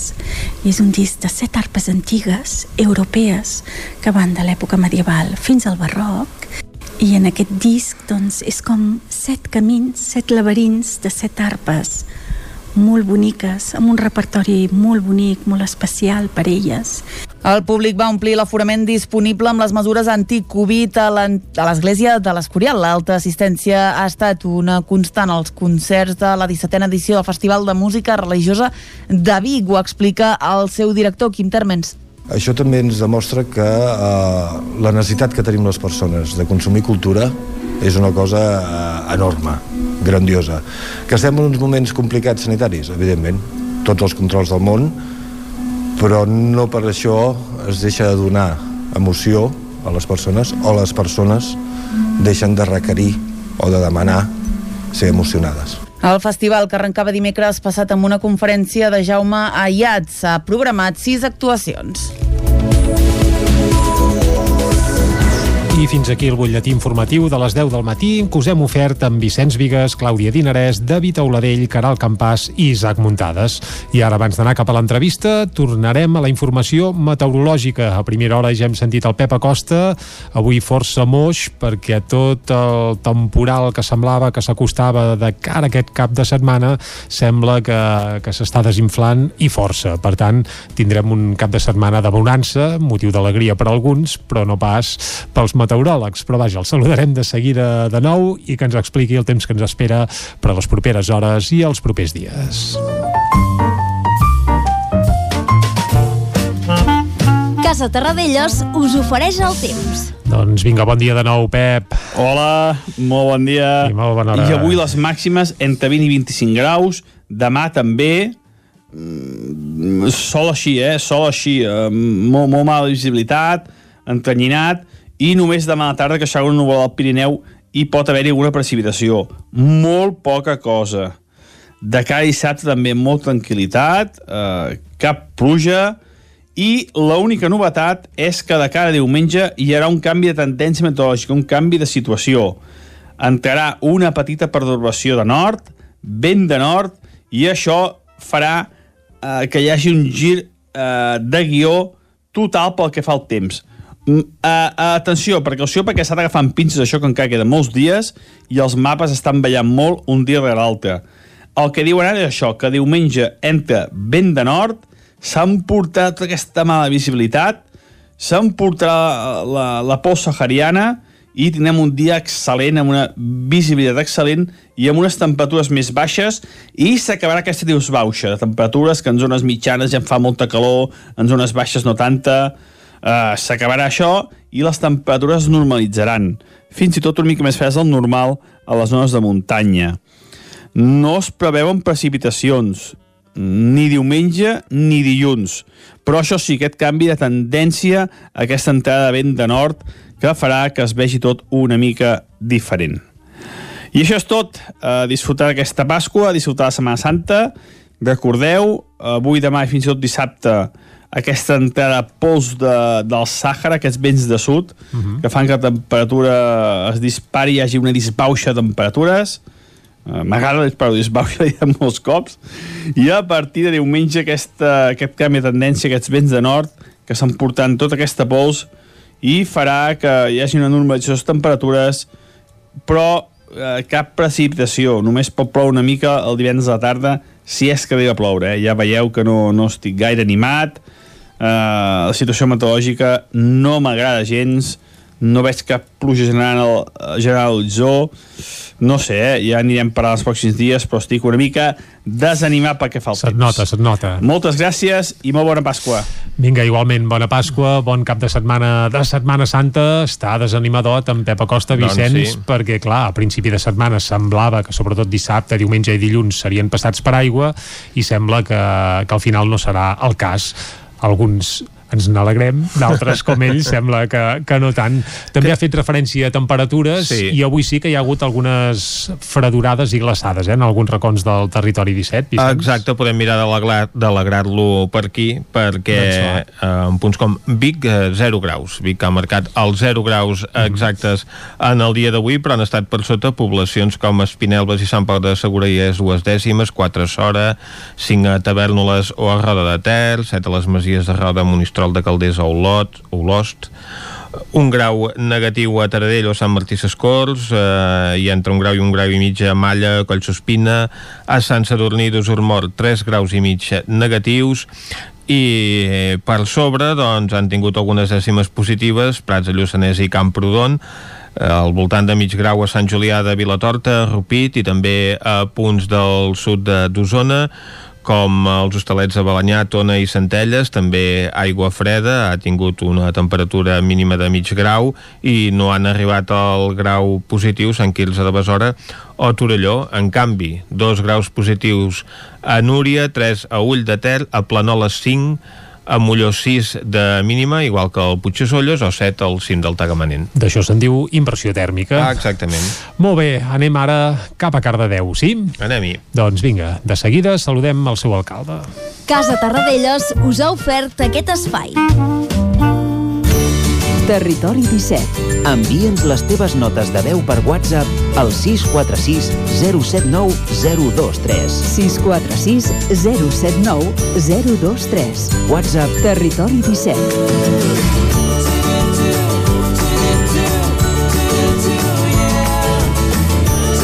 Territori 17. Som a Facebook, Twitter i Instagram amb l'usuari Territori 17.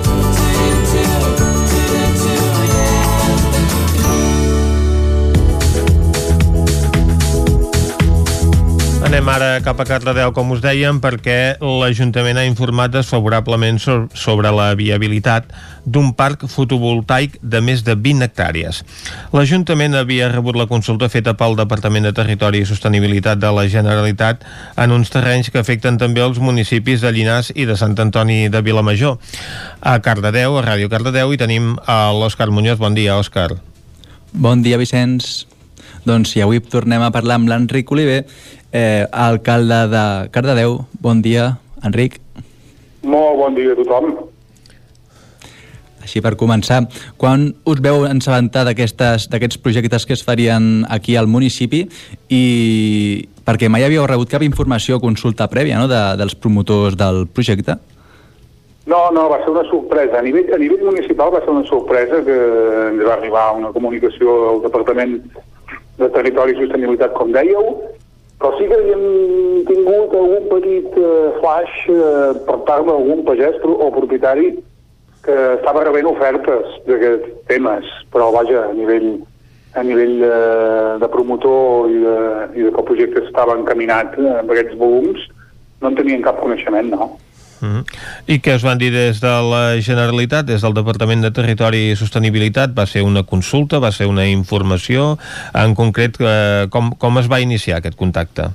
Sí, bueno, a través dels sistemes de, de, de tramesa d'informació i petició d'informes, Uh -huh. eh, se'ns va, se'ns van dirigir al nostre departament, al nostre, la nostra regidoria d'urbanisme i, te, i territori per demanar el parer sobre aquests projectes que s'estaven plantejant.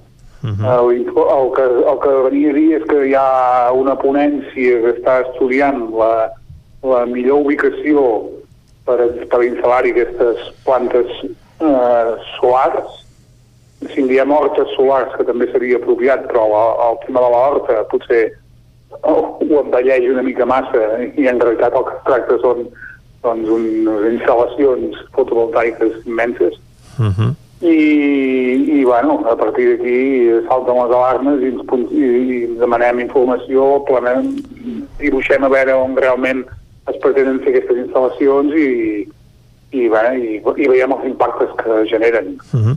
I s'ha apostat per aquesta zona per la proximitat d'una subcentral elèctrica o per algun altre motiu? Sí, aquí a Cardedeu tenim una subcentral elèctrica a Llindar confrontant amb el, amb el tema municipal de Llinars del Vallès. Uh -huh. eh, també a Cardedeu doncs, ja hi passaven els golans i, i tenim unes vies de comunicació prou conegudes, variants, autopistes, la T7, o la via del tren, o el tren d'alta velocitat.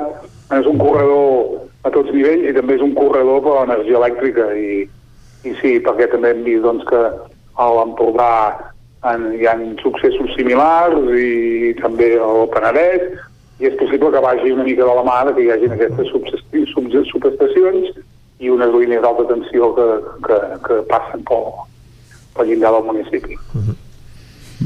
Com hem comentat, el parc estaria situat al pla de Can Morató, on hi havia l'antic camp d'aviació, el pla Marcell i el Viver.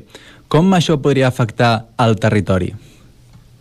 Bueno, la veritat és que, esclar, eh, eh, entrem en una mica en una certa contradicció. Nosaltres som, estem molt per la transició energètica i, i seguim molt de prop aquest debat de que realment hem d'anar transformant eh, la nostra despesa en energies eh, fòssils o provinents de, de, de fòssils i per tant també estem molt d'acord amb que hem d'anar cap aquí. A nivell municipal estem promovent moltes actuacions d'aquestes característiques. Però esclar, instal·lar de cop i volta més de 200.000 metres en camps, en plaques solars, eh, és un, d'un impacte de, visual per descomptat. Per això potser seria allò que a vegades un no vol eh, al costat de casa, no vol anar al pati de casa el que sí que voldria en altres llocs, no? Per tant, mira, la visual a vegades es pot es podria suportar, però en realitat també hi ha tot un tema d'un corredor, de corredors biològics i de, i, de, i de suport a la pagesia en general que ens afecta molt. Eh, tots aquests terrenys que has dit són terrenys eh, històricament molt vinculats al, al poble, a tots nivells, cultural, social, ambiental, eh, ens queden a tocar i són d'unes proporcions eh, extraordinàries. Ens fan molt mal, ens fan molt mal. I n'heu parlat amb els propietaris i amb els agricultors perquè aquestes doncs, empreses que volen instal·lar aquests parcs a vegades fan ofertes no, d'entre 1.500 i 1.700 euros per hectàrea i any, contractes de llarga durada i això vol dir que el propi pagès en treu més rendiment d'aquests parcs solars que no pas plantant en aquests camps. Absolutament, aquest és un dels grans problemes que tenim, però per al propietari o agricultor és un caramel, multiplica per 10 segurament la seva rendibilitat sense haver de treballar, a més a més, eh, i és clar, es fa difícil a vegades vídeo però ens hem trobat en situacions molt clares que fins i tot els propis pagesos han defensat que no havia de ser aquest, no és la fórmula no és la fórmula idònia, en aquesta coloni- colonització tan radical, a més a més, de moment aquestes ofertes, hem vist algun contracte que s'ha ofert en algun pagès, i aquestes inversions, aquestes eh, ofertes estan fetes per, per brokers, del negoci. És a dir, ni tan sols són els propis eh, instal·ladors, sinó que són gent que estan que sabent que això es belluga cap aquí, intenten adquirir un dret de superfície o unes opcions o uns drets de superfície és a dir, que en realitat ni tan sols deixen anar un cèntim ara, sinó que tot ho fien que el dia de demà es pogués acabar instal·lant, de manera és allò de guanyar o guanyar, no? Mhm. Llavors, eh, bueno, són professionals, són, és, un, és un capitalisme exacerbat eh, voler bloquejar aquests terrenys perquè el pagès no hi pugui fer res durant no sé quants anys a expenses de que el dia de demà s'hi pugui acabar instal·lant el parc fotovoltaic i llavors començar a cobrar el seu lloguer. Uh -huh. Eh, bueno, són, són oligopolis al final també. Exacte, perquè si arriben a un acord entre l'empresa, Generalitat i els pagesos, el projecte es duria a terme, no? I aquí l'Ajuntament doncs, no podria fer gran cosa? No podria fer gaire de res, no tenim la competència aquesta sobre per decidir si en aquests terrenys s'hi posen, s'hi poden instal·lar o no. Aquesta llicència d'aquesta activitat no la, no la podem decidir nosaltres. Per nosaltres és un rústic i així hauria de seguir sent.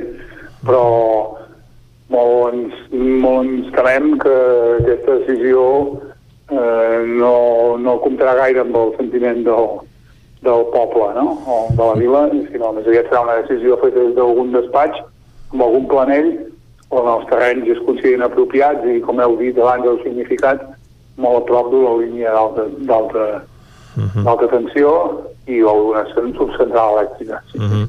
El 9-9 informava fa uns dies doncs, eh, aquest interès en eh, construir cinc parcs solars al Vallès. No sé si des de l'Ajuntament de Cardedeu n'heu parlat amb altres municipis afectats, ja no només els colindants, sinó d'altres a la pròpia comarca que estan en la mateixa situació.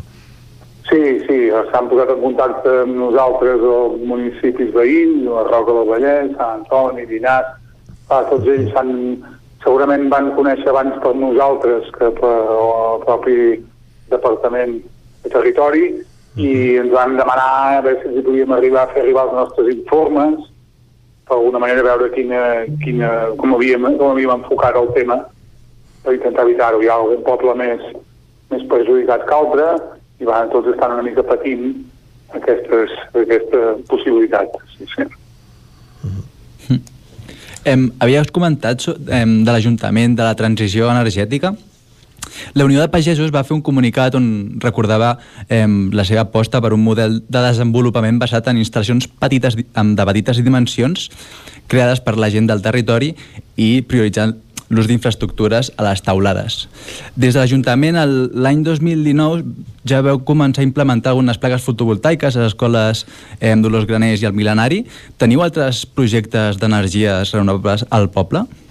Sí, aquestes, sí, nosaltres també estem completament d'acord amb això, de que realment podríem utilitzar millor les instal·lacions ja urbanes que tenim, eh, a nivell municipal i també a nivell particular, cadascú les seves.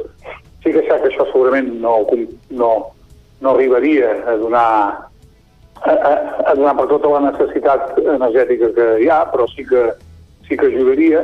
Nosaltres particularment estem enfocant que els, els terrats dels, dels pavellons municipals i dels centres esportius serien molt idonis. Alcalde, hem de deixar-ho aquí, arriba la pausa de publicitat. Gràcies per acompanyar-nos.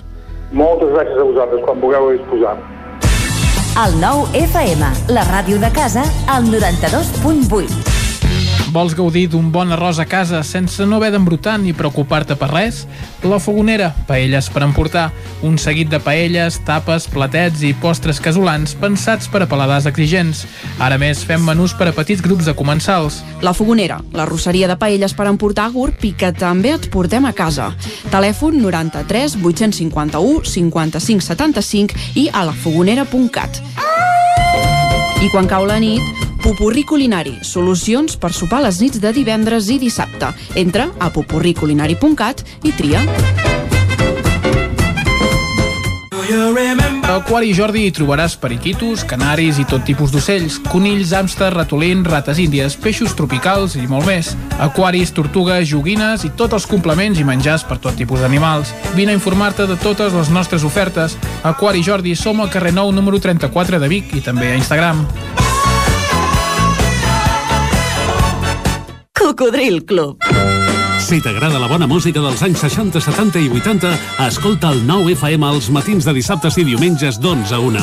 És el temps del Cocodril Club, tot un clàssic de la ràdio, amb les bases del pop-rock, les llegendes, les cançons que s'han convertit en autèntics himnes. Recorda, dissabtes i diumenges al matí, d'11 a 1, al 9 FM 92.8. Cocodril Club, el programa revival de l'Albert Malla. Hasta luego. Pintures Xevi Soler. Tot en pintures. Façanes, obra nova, rehabilitacions interiors de vivenda, estucs, microciments, pintura industrial, motllures, terres vinílics... Pintures Xevi Soler. Ens agrada assessorar-vos i fer de casa vostra el millor lloc del món. Ens trobareu a Manlleu, al carrer Sogorb 113, telèfon 616 15 87 33 o 93 851 3504.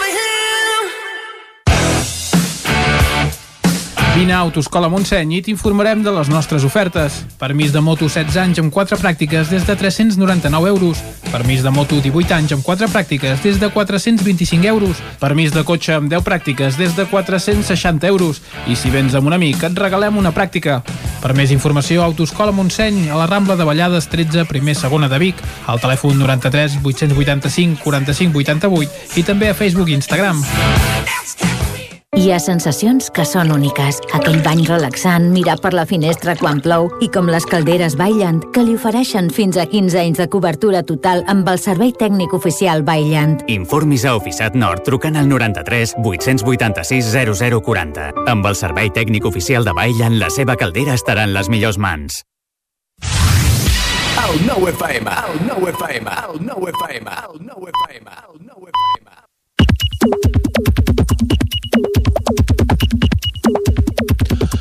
Són dos quarts onze i ara el que farem és una ullada al que s'està dient per Twitter amb l'Isaac Moreno. Bon dia. I bona hora. Has trobat moltes coses avui? Algunes. Han parlat de Kosovo? Per exemple. I què diuen? Però també hem parlat d'aniversaris. Per exemple, Albert Espadamala, eh, ramader Piolava, diu Què m'havia de dir fa anys enrere que em faria molt feliç rebre una caixa plena de productes de proximitat de part de la mare, humus, crema de verdures i un pastís fet per la meva germana i un sac de tacs per les vaques de part del meu germà com a regal d'aniversari. Hi ha molta gent que, que la reacció seria la seva de fa anys enrere, potser, segurament. El felicitem, no?, de tota manera. Exacte, per molts anys. Espadamala. Jordi Vilarrodà es fa ressò del tuit de Josep Salavedra que diu amb les dades d'avui es va confirmant que tenim l'RT oficial per sobre d'1,20 i l'RT real eh, a la zona 1,14, 1,15, pujada superior al 20% setmanal. Aquesta pujada és la mateixa que el 23 de desembre al 7 de gener, segona onada, i les dades no estan consolidades del tot. I en Vilarrodà que diu no encarem, els dies, no encarem bé els dies forts de Setmana Santa. Gens bé. Doncs vinga, queda dit. Exacte. L'Eli Pinyol, que comparteix un cartell d'una botiga, no sé si o un, sí, un establiment nou, diu reparació del calçat i esmolat de ganivets. I clar, a la imatge d'aquest del cartell hi apareix una sabata, però no una, bot, una sabata o una bota qualsevol, no. La mítica botilde de l'1, 2, 3. Apa, aquí. És, és, la, és, la, és la icona, és la, el, el logotip d'aquest nou establiment i la pinyol que diu només per la botilde ja hi aniré a il·lustrar les sabates i esmolar algun ganivet. Ah. Home, doncs potser sí, eh? val la pena que vigili amb el ganivet, que, que després tallen més del compte. Exacte. Roger Mas, d'Esquerra, Uh, i filòsof uh, i professor d'institut uh, comparteix la imatge d'un llibre Flors per la, el Germont de Daniel Case diu magnífic, us deixarà una sensació al cos que no heu experimentat amb cap altre llibre llegiu-lo, doncs vinga, la recomanació literària de cara a Setmana Santa uh -huh. Més qüestions. Miquel Muñoz, obrim la pàgina que ens demanaves. Vicenç? La pàgina futbolística. Kosovo. Oh, no. Sí, sí. No, no podem barrejar esport i política, no, això que quedi clar, ja, eh? S'ho fan sols, ells, no mateix. Miquel Muñoz, diuen que no es pot barrejar futbol i política, diuen que no, barrege, que no barregem, i a la televisió espanyola diuen el equipo de la Federación de Kosovo, per no haver de dir Kosovo. Diuen que no barregem, però es juguen partits de seleccions nacionals. Diuen que no barregem i la penya portant banderes nacionals. A tots els estadis del món mundial diuen tantes coses, diuen tantes corteses que fan grima. Diuen, diuen, diuen, com deia Jordi Pujol, no? Exacte. Pep Acosta diu, som-hi Kosovo, però prenem d'ells unilateralitat i a tomar pel sac. Pep Poblet, d'això se'n pot dir fer el ridícul en majúscules. Que no sigui que la depressió d'avui d'en Pep Acosta vingui de la derrota d'ahir. També, també. Uh, això que diu en Pep Poblet de fer el ridícul en majúscules bàsicament és perquè això, eh, perquè les lletres de Kosovo Exacte. al marcador de televisió espanyola sortien amb caixa baixa, en minúscula Mhm. Antoni Borra, tot el meu suport per Kosovo my support for Kosovo i etiqueta Kosovo i ja anem acabant uh, Anton Falqués, no, encara falta una mica, eh, perdoneu. No passarà, però molaria una protesta formal al mig del partit de Kosovoan Futi per demostrar l'utrogolites que són a la maceta. Quin fàstic fa la manera que tenen d'encarar les coses. Ara sí, canviant de qüestió, Ferran Oriols eh, comparteix un article de 14.cat, diu quanta gent hi havia, quants diners s'han fet, quants discos s'han venut, i llibres, té molts seguidors, i l'Oriols que diu, quina abraçar de llegir això, no ho sabria expressar millor, sembla que allò que no té repercussió quantitativa no és legítim. La cultura de Spotify va engreixant aquest sistema capitalista. Els mateixos músics són els primers en donar-li més valor del compte. L'article sencer és freixes. Per cert, aquí, aquí en, en, en, en, en, Ferran Oriols li dona les gràcies. Mm. Carles Furriols, de Junts, diu afirmatiu, sí, la taula de diàleg no s'ha reunit aquest mes de març. Això que és un tuit que va fent cada mes, eh? Ah, doncs em li queden alguns mesos, em sembla, per anar-ne parlant. I acabem ara sí una pilada d'en Josep Lluís Garcia que diu calculen que l'univers té un diàmetre de 90 milions d'anys llum. Jo feia 166 centímetres de jove, ara menys. Quina insignificància la meva. I li té diverses respostes, entre els quals el de la Maria, l'usuària Maria, diu no ets el lloc que ocupes a l'univers, el que importa, sinó el que ocupes al nostre cor, i és ben gran. Carai. Eh que sí, que és maco. doncs bé, de que, després d'aquesta visió tan romàntica, el que fem nosaltres és eh, repassar ara les portades del 99.cat. Osona i el Ripollès, Esquerra suspèn Josep Maria Freixenet de militància durant dos anys. També podem llegir el Consell del Ripollès posa en marxa un pla de reactivació. Eh, dos milions per recuperar les pintures de Cert a Vic i Eumo de Ser ha completat el disseny de la nova uniformitat de ferrocarrils de la Generalitat. Carreguem ràpidament la portada verda, la de l'edició del Vallès Oriental, bon, que diu ara, ara Ren- Renfe obté el permís per limitar la velocitat dels trens i autoritzar el creuament a peu per les vies a l'estació Mollet-Sant Fost, una Setmana Santa més normal a les esglésies, bones perspectives pel sector turístic ballesà per la Setmana Santa i creixen els malalts amb Covid-19 ingressats als hospitals ballesans. Molt bé, doncs moltes gràcies, Isaac. Vinga, que bon dia, Kosovo. Ara nosaltres anem a la taula de redacció. Territori 17.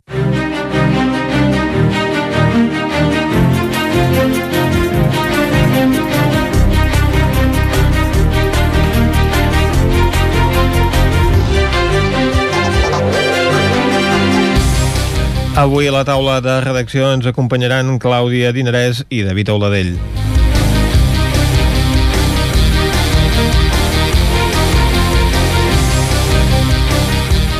Comencem parlant de la polèmica pel POUM de Llinars del Vallès. David, bon dia. Bon dia, Vicent. Doncs hi ha complicacions no, en el desenvolupament d'aquest planejament urbanístic. Doncs sí, hi ha complicacions, tot i que ara estem en uns dies de descans, però és el moment ara que s'ha sabut com està evolucionant uh, aquest tema. Fa uns mesos Mhm. el ple de l'Ajuntament va, aprovar, va fer l'aprovació inicial d'aquest POM que ha de ser pels propers 15 anys, en què tots els partits van votar a favor, excepte del MAI, el movi Moviment Alternatiu Llinars, que hi va votar en contra per temes ambientals. Mhm. De fet, el POM està separat en tres punts, dos dels quals són, un és el creixement que ha de tenir de, quan habitants, que preveu un creixement de 6.000-7.000 habitants, l'altre és el plantejament industrial i l'altre és el plantejament d'un espai natural a tot el voltant del riu Moger, un espai fluvial que li diuen. Aquest punt, el Malla està a favor perquè és un espai natural, però no estan en contra que davant tingui un polígon industrial, que de fet aquest polígon ja fa anys que existeix. I això lliga amb el segon punt, que és la creació de nous espais industrials a Llinars del Vallès dels que estan en contra. Um, per, aquest, per aquest punt s'han ajuntat moltes propostes veïnals en quant a pancartes a la població per evitar aquest creixement industrial i que s'aprovi aquest creixement industrial al POM, l'entitat El Gat de Llinars, va fer una, una campanya de recollida de signatures per presentar al·legacions, que és el que s'ha pogut presentar aquesta mateixa setmana a l'Ajuntament per la modificació del POM. Aquest POM preveu que hi hagi el doble d'espai industrial del que hi ha actualment i el que es queixen és que molt espai industrial és ara espai agrícola i ramader. El problema ve en què els mateixos pagesos o la gent que treballa a la terra es queixen de que vulguin defensar els camps quan ni tan sols la gent de Llinars es vol dedicar a treballar aquests camps. Uh -huh. Aleshores, alguns pagesos estan a favor de la industrialització i la gent que viu al centre i que no està a favor de la industrialització i vol que es quedin als camps, no vol sentir-ne parlant al moment de treballar als camps. L'altre punt que hi ha controvèrsia entre ells mateixos és el moment en què volen que segueixi sent agrícola un espai que actualment ja és industrial. És totalment la nau de la Bòbila, que és on aquest cap d'any coneixíem que s'hi va fer la festa de Reis, uh -huh. és un espai molt gran que ja és tot industrial i allò volen convertir en un polígon industrial. Tot i que apareix el gat i ens demana que això, els demana l'Ajuntament que això sigui un espai agrícola quan ja és impossible tornar-lo a fer agrícola. Les altres coses que sí que hi ha i és on entra més controvèrsia són els espais de Can Colomer i el sector de Can Llobera que sí que es volen convertir en sol industrial. Ara mateix són sol urbà però fent servir com a espai agrícola els volen convertir en industrial i el problema i la principal queixa és que part de la, del sector de Can Llobera és propietat del mateix alcalde de Llinars i vol convertir aquest espai en espai industrial per fer-lo a partir d'aquí 15 anys. S'han presentat al·legacions en aquests moments, aquests són els canvis que reclamen, que no hi hagi espai industrial en el creixement, i estan esperant que les al·legacions siguin acceptades. Això seran del proper ple, en principi d'aquí dos mesos, ha de ser el ple on es tornaran a veure aquestes al·legacions i a veure si prospera. Recordem que els partits que van votar a favor són Esquerra, Junts, el PSC i Ciutadans, i va ser només el Vall el que es va votar en contra. Uh -huh. Doncs aquest conflicte que s'allargarà amb el temps amb aquestes al·legacions que ha provocat aquesta diferència de criteris entre alguns veïns eh, de Llinars i propietaris d'alguns dels terrenys afectats doncs, per aquest pla d'ordenació urbana. Moltes gràcies, David. Gràcies, fins ara. Nosaltres ara anem de l'àmbit urbà a l'àmbit rural perquè el que s'està desenvolupant també és un projecte per utilitzar pastures que permetin netejar el sotobosc i això prevengui incendis forestals, no, Clàudia? De fet, és un projecte, Vicenç, que podríem dir que està més que impulsat i arrelat al Bisaure perquè fa una vintena d'anys doncs, que s'està posant en pràctica.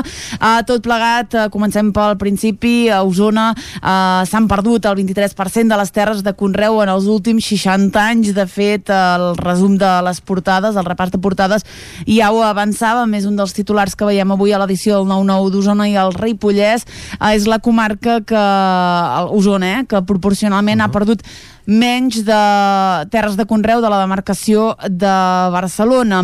En fi, us explico una mica aquesta notícia. Ahir vam anar a un terreny entre Casanova, la Solana i les Planeses, estem parlant del terme municipal de Montesquiu. Vam anar a veure unes vaques llemosines, propietat d'Esteve Anglada, que com dèiem, doncs fa una vintena d'anys que pasturen per aquest indret. Tot plegat és el fruit eh, d'un acord que els ramaders de la zona i la Diputació de Barcelona, que important és el titular del Parc del Castell de Montesquiu, que és a la zona on ens vam desplaçar, doncs van impulsar fa una vintena d'anys i que any rere any doncs, han anat renovant.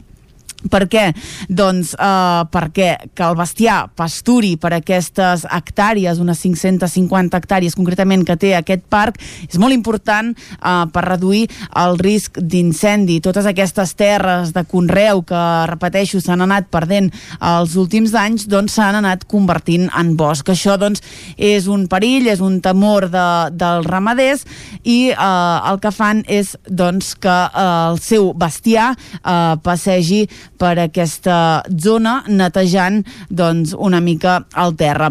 L'altre gran benefici de la pastura al Parc del Castell és doncs, que permet preservar la biodiversitat del territori. Per tant, sense bestiar, el que es podria doncs, és perdre una part molt important de la flora i de la fauna del Bisaure. En vam parlar amb l'Esteve Anglada, propietari d'aquestes vaques llamosines que us comentava al principi, i també amb en Joan Carles Àngel, que és el director eh, del Parc del Castell de Montesquiu. En Joan Carles, doncs, el que ens deia és que això és un win-win. Uh, tothom hi guanya, hi guanya el bosc, però també hi guanya uh, la ramaderia. Uh, dir, uh, i amb això acabo, que les Planeses, que és a la casa on vam anar, uh, i la finca que gestiona l'Esteve Anglada, també s'hi ha dedicat un tros de terra per plantar llavors antigues. Uh, és curiós, és una iniciativa de la Universitat de Vic, Universitat Central de Catalunya, i tot plegat doncs s'enmarca en un estudi que la universitat està fent doncs, sobre el canvi climàtic. Doncs molt bé, moltes gràcies Clàudia, acabem aquí aquesta taula de redacció i el que farem ara és anar d'aquestes pastures cap al cinema. Territori 17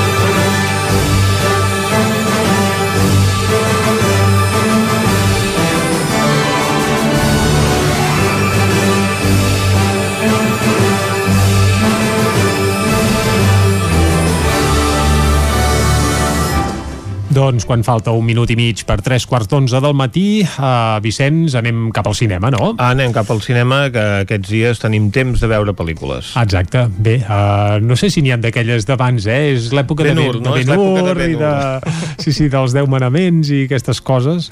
Uh, bé, no, crec que no, no anirà per aquí, però en tot cas li demanem a la Núria aviam de què ens parlarà avui abans de repassar la cartellera. Núria, de què ens parlaràs avui? Doncs avui a Cinema us porto una llista de 10 sèries per poder fer una bona marató per Mhm. aquesta Setmana Santa. Veus? Segur que molts de vosaltres marxareu de casa, però d'altres segur que us quedareu a casa i tindreu dies de no saber què fer.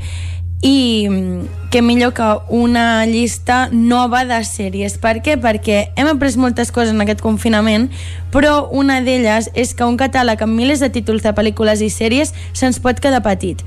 I no és perquè ens falti material, eh, que d'això n'hi ha de sobres, sinó perquè massa sovint no som capaços de decidir què volem veure. De fet, vam passar tant de temps rebuscant que quan volem adonar-nos ja no tenim ni ganes de veure alguna cosa nova i acabem o bé veient el de sempre o apagant la televisió i agafant un llibre. Ara que arriba la Setmana Santa no tinc dubtes que us passarà el mateix. Mm, veig una cosa nova o no sé el que veure? I les eternes preguntes què veig aquesta nit, què han estrenat darrerament que valgui la pena? Quines sèries em sorprendran? Quin d'aquests títols no em sonen absolutament de res? És el que realment em va fer passar una bona estona. Doncs les respostes a aquestes preguntes les intentaré donar avui amb aquesta llista de 10 sèries que jo crec que alguna us encaixarà So, where do you see yourself in five years' time? What do you want to be doing? What's the plan? I just want to be happy. I want to learn everything. Doncs començo amb It's a Sin, un relato de lucha i sueños. Si no l'heu vist encara, us esteu perdent una de les millors sèries de la temporada, creada per Russell Davis, que a final dels 90 va revolucionar la ficció britànica i la representació LGTBIQ+, amb la mítica Queer as Flock. It's a Sin ens porta al Londres dels 80, quan es van viure els anys més crus de l'UVH amb els primers casos de SIDA. A través dels seus cinc episodis, la història ens porta a enamorar-nos del seu grup d'amics protagonistes, Lolly Alexander, l'Omari Douglas, Callum Scott Howells, Lydia West i la Nathalie Curtis, que han arribat a la capital per començar una nova vida i complir els seus somnis i hauran d'enfrontar, sense saber-ho, els obstacles que comporta viure fora de l'heteronormativitat en una societat profundament intolerant. I aquesta sèrie la podeu trobar a HBO.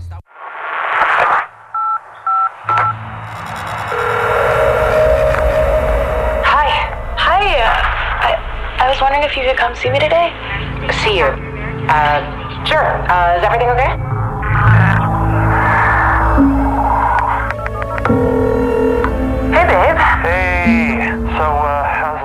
Doncs una altra sèrie que podeu veure aquesta Setmana Santa és Calls, terror inquietante a través del sonido. És una sèrie que teniu disponible a Apple TV+.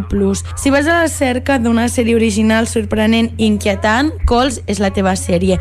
Està creada per Fede Álvarez, el director de la No Respires, i compta amb estrelles de la talla de Pedro Pascal, Lily Collins, Nick Jonas, Aaron Taylor Johnson, Rosario Dawson, Aubrey Plaza i Karen Gillan. Però el que té de guai aquesta sèrie és que mai els hi veuràs la cara. És una sèrie basada en trucades telefòniques que escolteu atentament mentre observeu les zones movent-se movent de forma abstracta a la pantalla.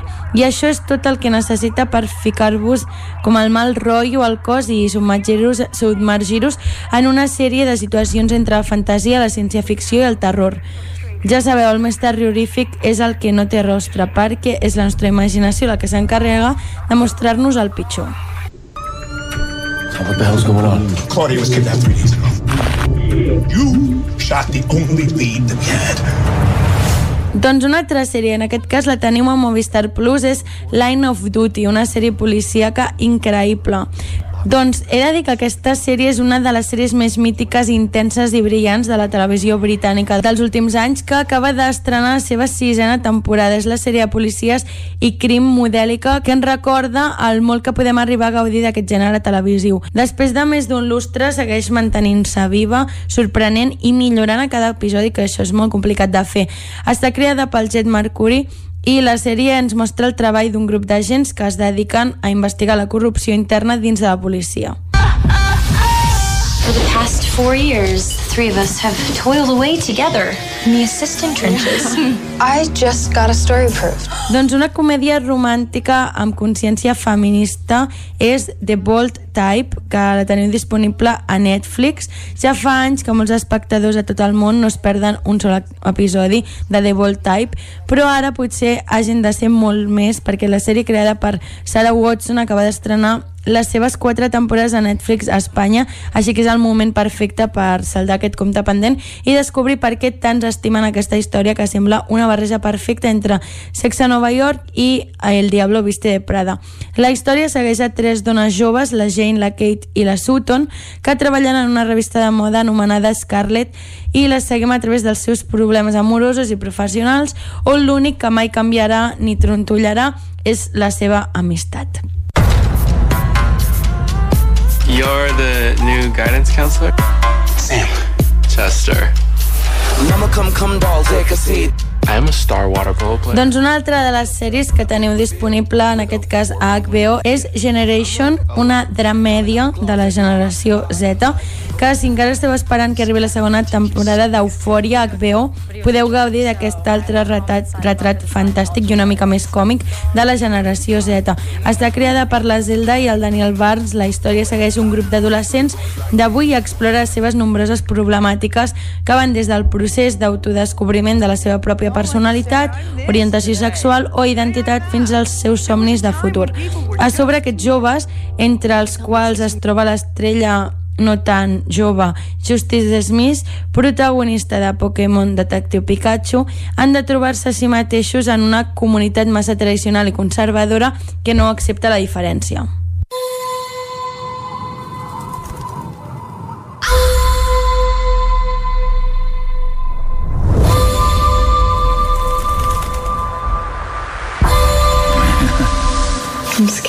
Doncs una altra sèrie que en aquest cas la teniu Stars Play és The Stan, l'apocalipsis segons Stephen King.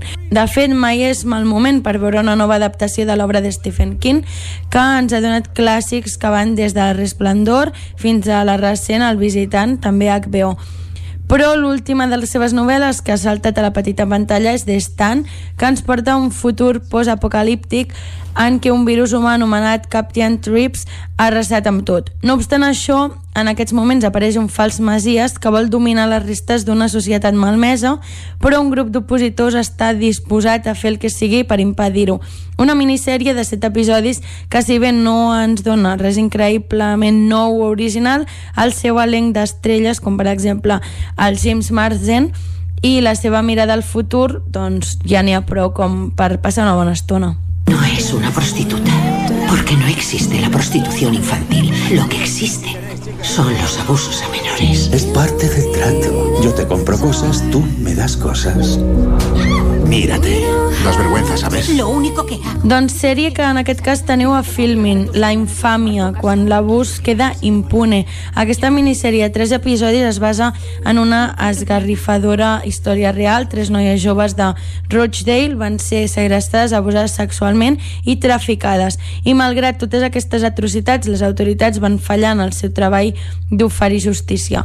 La infàmia no és només un retrat del cas, és també una denúncia furiosa davant de les injustícies que es van viure en ell i una crítica dura a tots aquells des dels quals les van jutjar amb prejudicis en el sistema judicial fins als serveis socials que no van saber ajudar-les i que no van fer la seva feina com corresponia.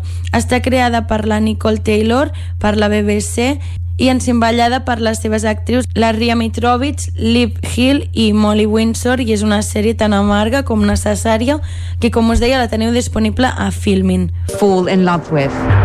Right now, you're selling me a fairy tale. This will change relationships and dating forever. They won't ever be the same again. She's reckless. Sooner or later, one of her stunts is going to blow up. Police came to see me. There's going to be an investigation. We're here to establish how a man died. She's, she's committed suicide. Do you believe her? I don't know what to believe anymore. True love. Doncs a Netflix podeu trobar també The One, que és un misteri que enganxa. Aquesta nova sèrie de Netflix parla d'un tema que ha obsessionat a la nostra societat durant segles, que és trobar a la nostra mitja taronja.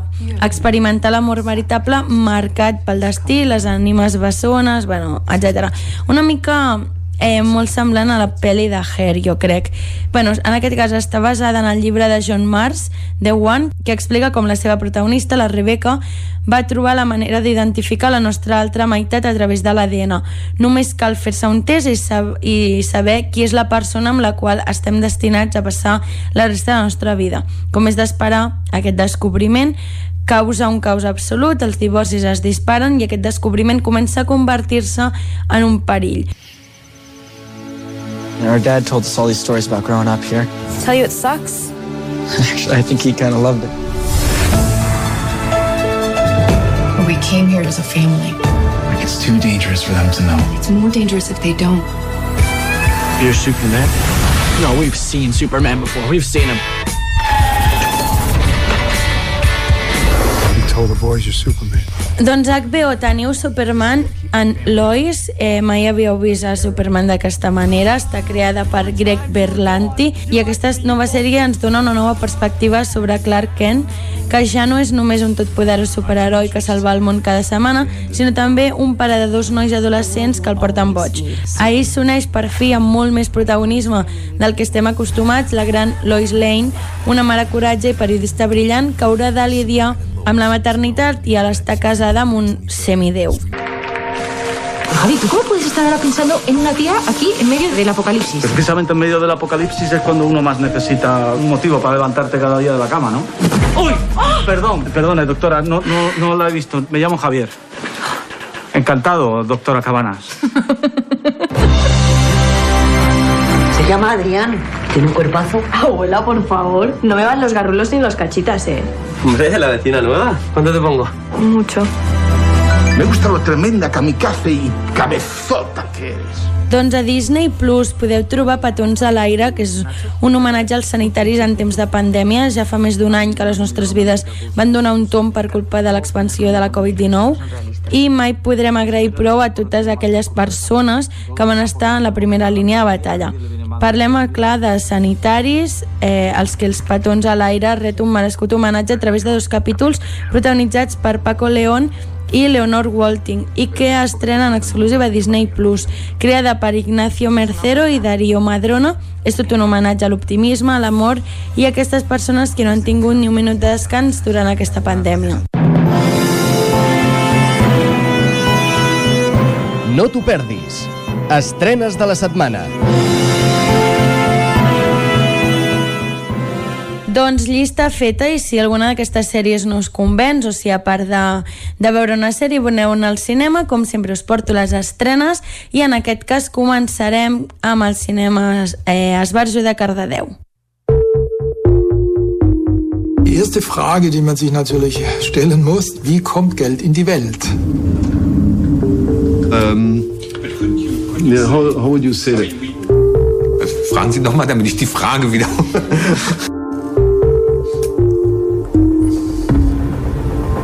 Das ist eine gute Frage. Man lernt nicht, wie das Geldsystem funktioniert. Und es ist nicht nur so, dass man es nicht lernt, sondern man lernt es falsch. Diese ökonomische Wissenschaft dient der Verschleierung von Doncs comencem amb aquest documental, de fet és el documental del mes, que es farà avui al Cinema Esbarjo de Cardedeu a les 8 del vespre. És un documental en versió original en alemany, subtitulat al català que parla que s'anomena O Economia. Cap a cap el documental revela com les regles del joc capitalista contemporani fan créixer sistemàticament el dèficit i la concentració de la riquesa. Una pel·lícula que amb astúcia i rigor articula els aspectes més flagrants de l'economia capitalista sovint invisibilitzats en les cobertures mediàtiques. Combien de prisonniers sont passés par le camp Entre 25 et 30 000. Tous les noms sont inscrits dans les registres du camp. Ils t'ont attrapé où? On allait en Suisse? On aurait dû passer par l'Italie. Tu le sors d'où ce livre? Le propriétaire. Ils l'ont abandonné derrière eux quand ils se sont enfuis. C'est qui papa? Ça veut dire papa en persan. Wir haben einen Perser gefunden. Woher wissen Sie, dass er ein echter Perser ist? So, das hat er gesagt. Natürlich hat er das. Und wenn er lügt? I una altra pel·lícula que també podrem veure aquest cap de setmana, dissabte i diumenge, en una sessió de les 8 i a les 7 de la tarda, és El professor de persa, una pel·lícula del Vadim Perelman, que també estarà en versió original en alemany, però en aquest cas subtitulada al castellà, ambientada a la França de 1942, pel·lícula que ja n'hem parlat abans, però per si de cas us la refresco, Parla del Gils, que amb altres jueus és arrestat per soldats de la SS i és enviat a un camp de concentració a Alemanya.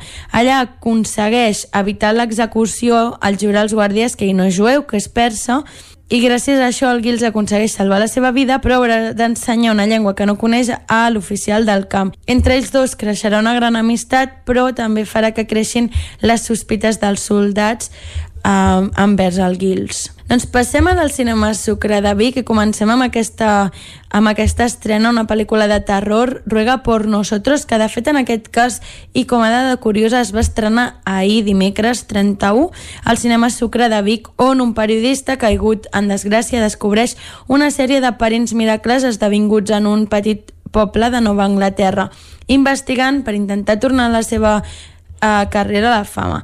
El que desconeix és que aquests miracles amaguen una cara molt més fosca del que ell creu. I l'altra estrena de la setmana, en aquest cas sí que s'estrenarà demà divendres 2 d'abril, una pel·lícula de la Chloe Zhao, és Nomadland, per fi arriba a Catalunya aquesta pel·lícula i s'estrena als cinemes, una de les grans preferides als Oscars, com ja sabeu va arrasar els, els, els Globus d'Or, i és la que té tots els números de guanyar a l'Oscar.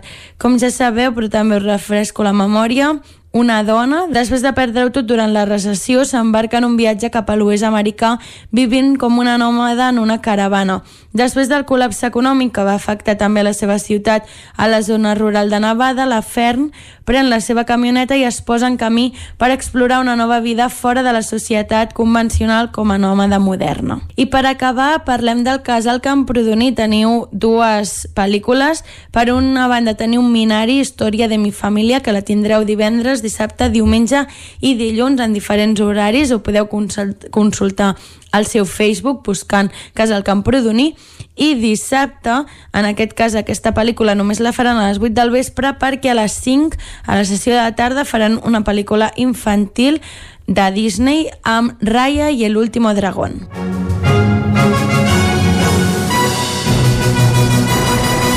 I quan passa un minut de les 11 del matí, deixem el cinema i us acostem de nou l'actualitat de les nostres comarques, les comarques del Ripollès, Osona, el Moianès i el Vallès Oriental. Territori 17, amb Vicenç Vigues i Jordi Sunyer.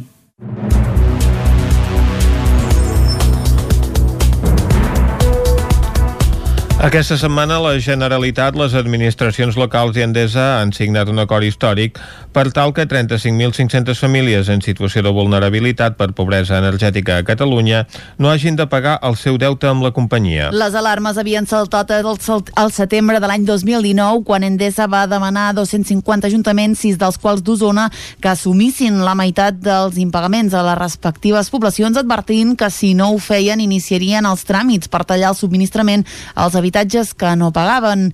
A Vic el deute acumulat amb Endesa dels clients vulnerables entre el 2015 i el 2020, segons la companyia, és de 214.000 euros.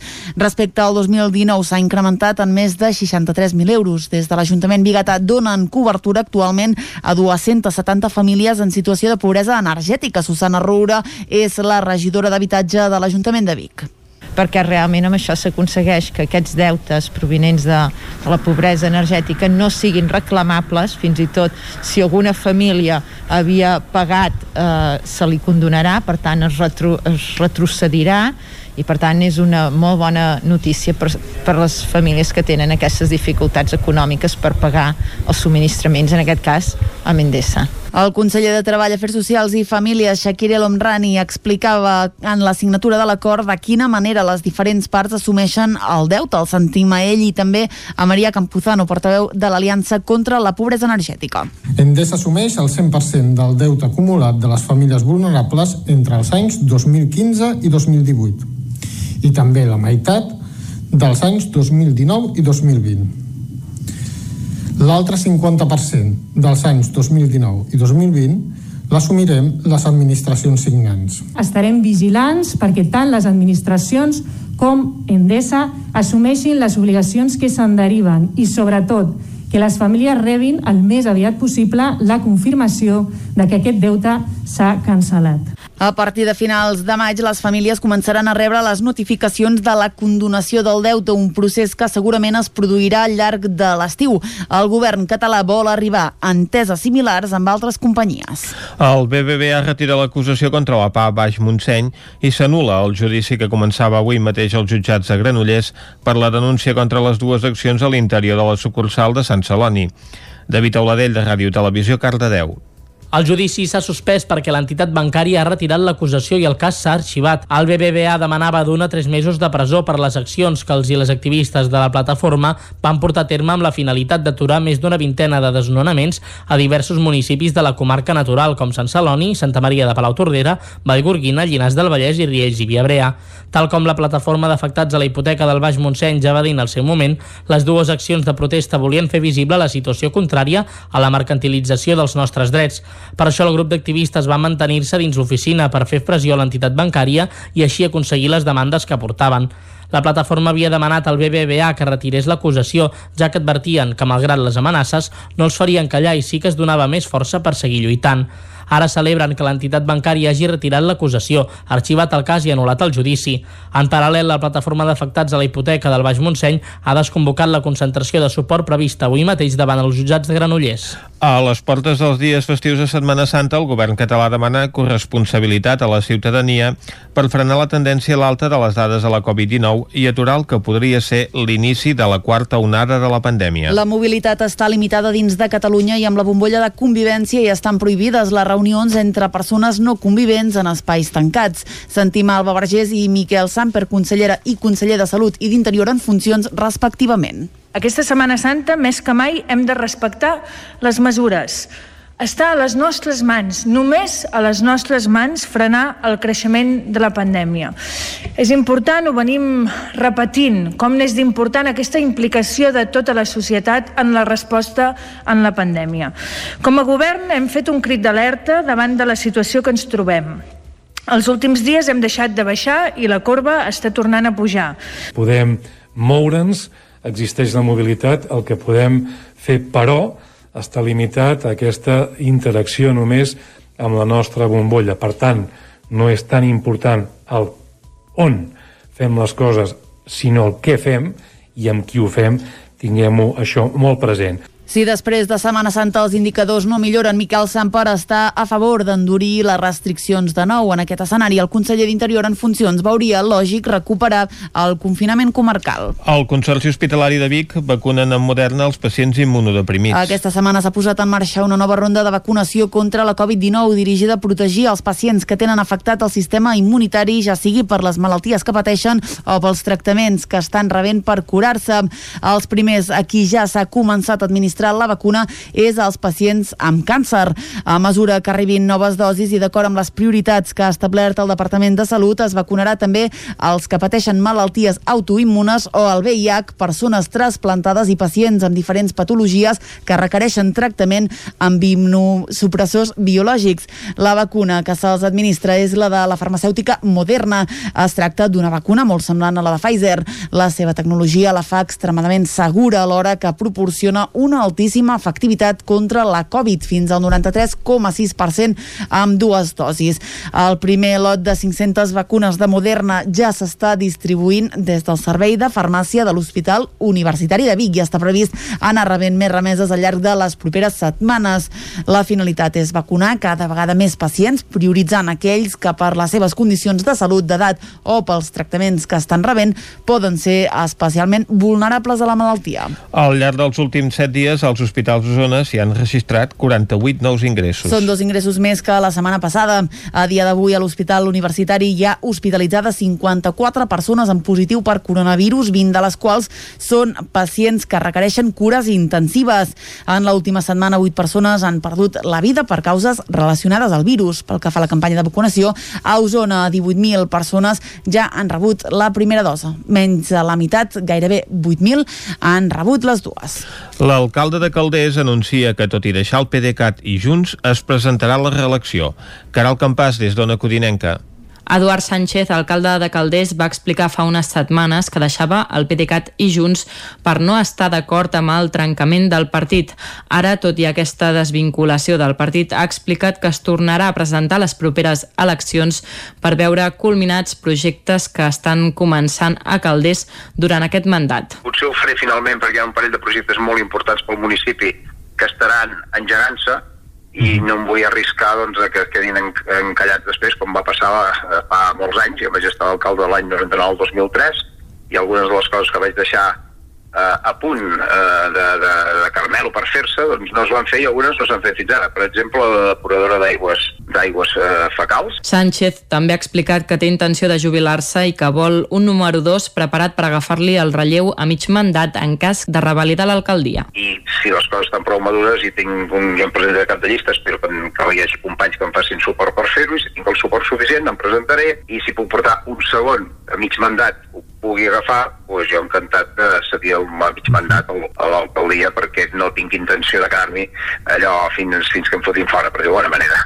Que vull plegar quan, quan pensi que haig de plegar i, i més aviat que tard, perquè penso que ens hem de saber jubilar, per dir-ho d'alguna manera. D'aquesta manera, tot apunta que l'actual alcalde es presentarà amb una formació local independent. Decoració al poble i una performance davant del monestir de Sant Pere per substituir la processó de Camprodon. Isaac Muntades, des de la veu de Sant Joan. Com passa a Camp de Bànol, la processó dels Sants Misteris de Camprodon tampoc podrà sortir al carrer per segon any consecutiu. Aquesta processó és la més coneguda del Ripollès i la que té més trajectòria. Es va deixar de fer el 1969 per motius poc clars i es va reprendre el 1986 i ha perdurat fins a l'actualitat, 35 anys després. La processó de Camprodon sol aplegar entre 4.000 i 5.000 persones a la vila, a banda de tota aquella gent que hi participa fent de figurant o que organitzen l'acte que sobrepassen les 600 persones. A Camprodon es fan tres processons, la del dijous, en què només surten els armats, la de les dones de divendres sant al matí i la del vespre amb el retaule. Enguany tot es reduirà a aquesta última, la qual no plegarà la gent com altres anys al voltant del monestir de Sant Pere. El vicepresident de la processó dels Sants Misteris de Camprodon, Marc Navarro, explicava què es farà. Què volem fer el divendres sant? Clar, nosaltres no podem organitzar ni una exposició ni res perquè no podem acumular la gent. El que sí que farem el divendres sant, allà on es fa el retaule sempre, encendrem igualment les torxes, encendrem el pavater del monestir i després li farem recitar al, mossèn ell sempre comença la processó, ell dona per començar la processó amb un escrit i amb una frase que és molt típica Camprodon, el, el silenci es fa pregon a la vall de Camprodon. Amb aquesta frase, és una mica d'escrit, filmarem el mossèn, filmarem les torxes i el pavater com s'encén i això ho passarem per les xarxes socials perquè es vegi. Navarro també va apuntar que enguany volen seguir mantenint viva la processó i encara que no pugui sortir a desfilar pels carrers de la vila sí que hi serà present a totes les cases. El que hem fet és adornar tot el poble, com si hi haguessin les processons. Després, conjuntament amb l'Ajuntament, hem enviat una carta a tots els veïns amb un tríptic, amb la salutació de l'alcalde, del mossèn, de la regidora, i amb una banderola perquè pengin els balcons. I això ha tingut molt d'èxit perquè hi ha tots els balcons de Camprodon amb la banderola del Senatus, eh, amb l'àguila de la processó. En aquestes banderoles també s'hi veu l'escut de la vila i la inscripció SPQR, que vol dir Senatus Populusque Romanus en llatí. Aquest 2021 tampoc hi haurà la clàssica revista que recopila la memòria de la processó de l'any anterior, bàsicament perquè el 2020 no es va poder celebrar per culpa de la pandèmia. I fins aquí el butlletí informatiu de les 11 del matí que us hem ofert amb les veus de Vicenç Vigues, Clàudia Dinarès, David Auladell, Caral Campàs i Isaac Muntades. Ara un petit parèntesi i de seguida uh, sabrem quin disc ens porta avui en Jaume Espuny, que cada setmana ens visita aquí a Territori 17 amb discos que han fet història. Mig minut i coneixerem què ens porta avui. Territori 17. Envia'ns les teves notes de veu per WhatsApp al 646 079 023. 646 079 023. WhatsApp Territori 17.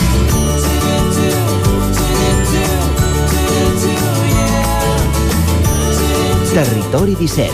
Som a Facebook, Twitter i Instagram amb l'usuari Territori 17.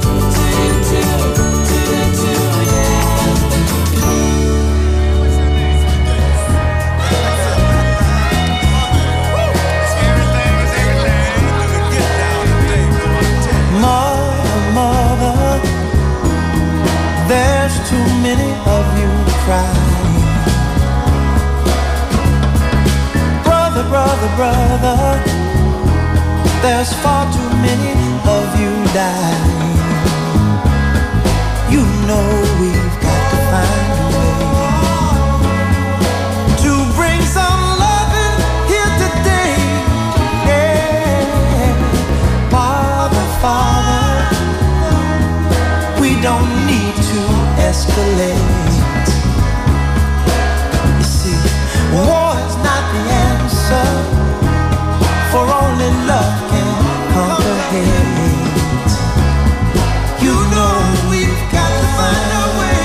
Doncs quan falta un minut per un quart de 12 del matí, saludem en Jaume Espuny. Bon dia, Jaume. Molt bon dia. No som divendres, som dijous, però com que demà és festa, ens visites avui, eh? Sí, sí, i si, si no dissabte. Bé, dissabte en principi no hi serem, Tant però, li fa. però tant li fa. Fantàstic, fantàstic. Molt bé.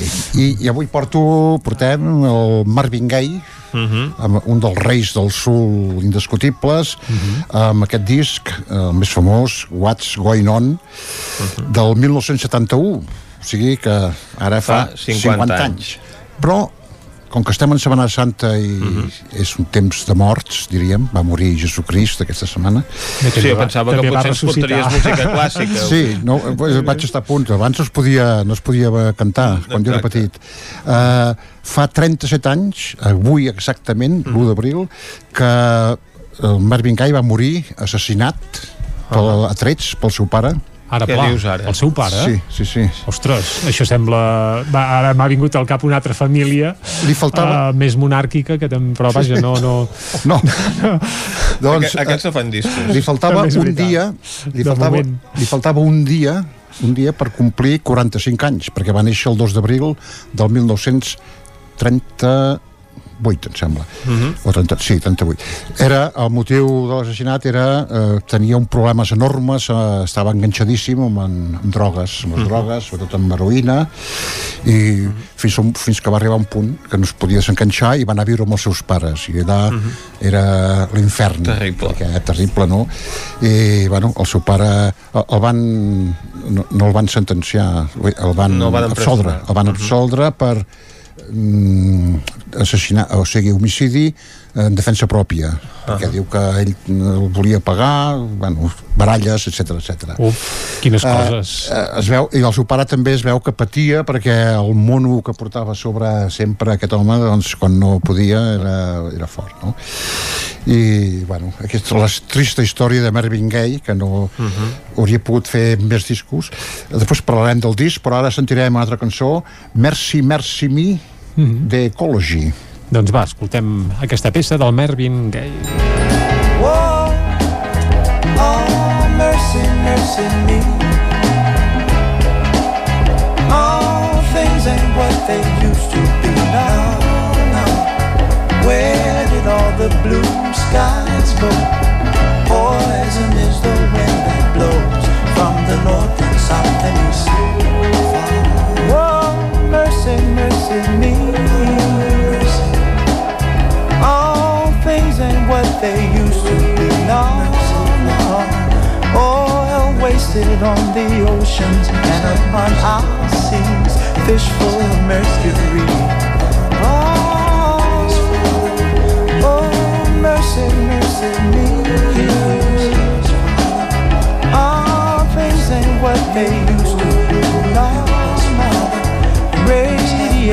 Underground and in the sky. Animals and birds who live nearby are dying. Uh, a mi m'encanta la sonoritat que té el disc. Uh -huh. uh, però aqu- aquest disc fa, ja fa uns a finals de, de l'any passat es va posar d'actualitat la revista Rolling, la més, potser és la més famosa de, de música, la, Ro- la revista Rolling Stones, als Estats Units, uh -huh. uh, l'any 2003 va fer una llista dels 500 millors discos de la història del rock. primer va quedar el Sgt. Papers Lonely Hearts Club Band. Va anar passant el temps, va anat el temps, i, i l'any passat la van tornar a renovar, sobretot perquè hi havia moltes queixes de, de la part que tot era rock blanc, la música blanca. Tot i que el What's Going On, aquest era, on era, era. el sisè, el sisè disc millor, no? La van renovar i la van publicar a finals d'aquest any i el What's Going On de Marvin Gaye resulta que és el millor disc de la història del rock. Ah, sí, el van posar en primera posició? primera posició. Els. Sgt. Peppers, el 24. Bufa. Bé, tot això és discutible, no? Sí, no, Perquè no, contra gustos. I, i els de Clash... i- Els 23 restants eren negres? Pregunto, perquè Ja, ja. si aquest va ser un motiu d'haver No, de canviar bueno, l'ordre eh, de la llista... Bueno, estem en, en temps políticament correctes i tot això, però eh, clar, els Sgt. Peppers el, el 24 eh, el, Clar, de l'1 al 24, és que això és una patacada grossa. el, el revòlver dels Beatles era el tercer i ara està no segon. M'agradaria saber on, on és Neil Young. Un dia me la miraré la llista sencera. uh, el, se- la, i el És segon possible que no millor- aparegui entre els 50 primers, eh, Neil Young. Ja veus... Eh, exactament. El, els de Clash també van desaparèixer més i aquest, el, el millor, eh, és discutible, no?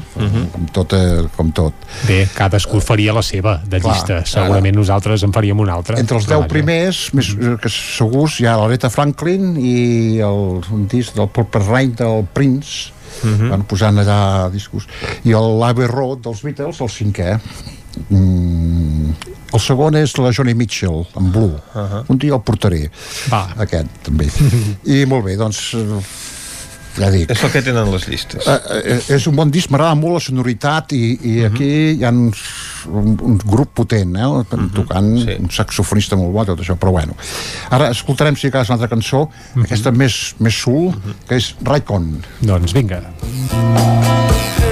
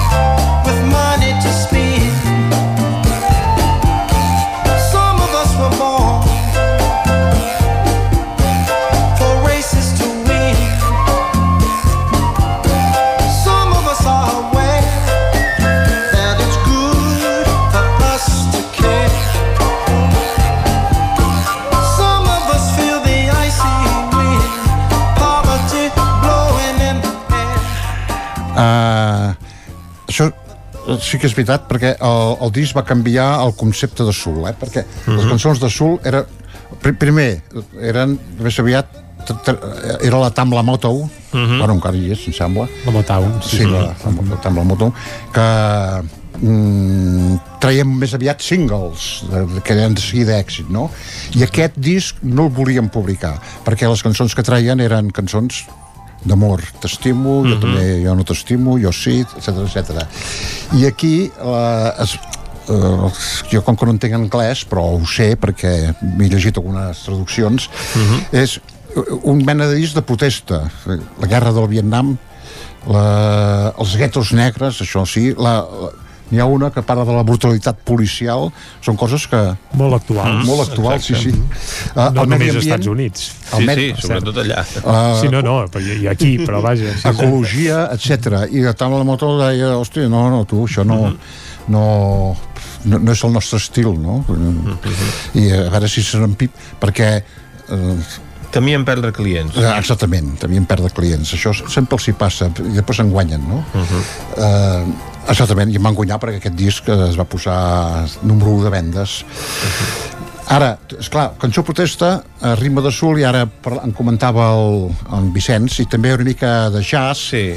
O sigui, és diferent. No és el sul d'Otis Redding, per entendre'ns, No. però està molt bé. I és és dens. No, perquè dona la sensació que aquesta flauta doncs improvisa, no? Sí, Juga una sí, sí. mica al joc de la improvisació. Bé, i a més això de posar-hi percussions, com sentíem la Sí. rasca aquesta, no és Sí. gaire habitual del sul. Això No, s'acosta més a la salsa i als sons llatins Ah, gairebé. exacte, eh? sí, doncs, eh, eh, és original. Ara, Exacte. ja, com, continuo dient que, bueno, que és una mica, com, com tot, és discutible. Els crítics és una cosa, eh, també. Jo, per mi el millor disc és el Ragged Glory del Neil Young. Ai, no, el Ras Never Sleep del Neil Young, però bueno. Uh, i a més a més les cançons també, això també estan pràcticament enganxats no, no hi ha separació acaba una i des de lluny comença l'altra no? ara n'estem sentint una altra no? em sembla sí, I tant. Una que es diu Inner City Blues el blues de la ciutat de l'interior d'Intra no? Doncs escoltem-la, va, un fragment del Marvin Gaye amb aquesta peça. money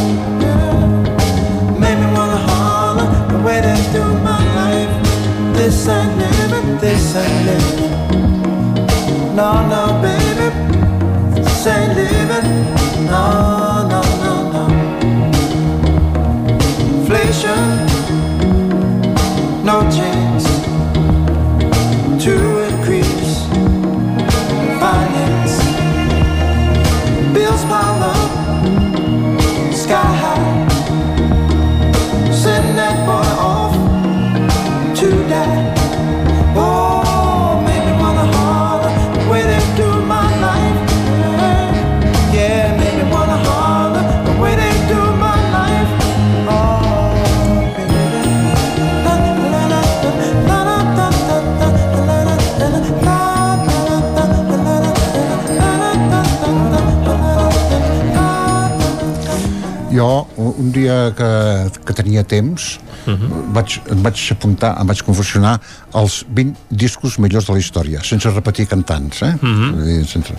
i no Hi vaig havia en pu- Lluís Llach? eh? no Vaja, home. Jo, jo li hagués posat, eh? sí, no Uh, però sí tampoc hi havia el Marvin Gaye, eh? tampoc hi havia el Marvin Gaye. Val, jo, jo tampoc li hagués posat. Tot i que aquest aire amb aquest falset, allò que sempre quan canta ho fa al límit entre Sí, la veu sí, sí, impostada sí, i té, té, té una certa gràcia i No, a més a sí. més ha creat molta escola perquè després Sí, hi va haver sí, sí. molta altra gent que va Sí. agafar aquesta dicció És i que va aquesta canviar, manera de eh, cantar, eh? Sí, sí, és que mm. el sul, pròpiament dit, dels anys 60 va desaparèixer, eh? I, Mhm. i de tot això. A mi feia recordar, quan el sento em fa recordar a una sèrie de televisió que ja és molt vella, no sé si ens havíeu, si l'havíeu vist mai, Vacaciones en el mar. Mhm. eh, I doncs em fa recordar el, la música que se sentia per allà, no?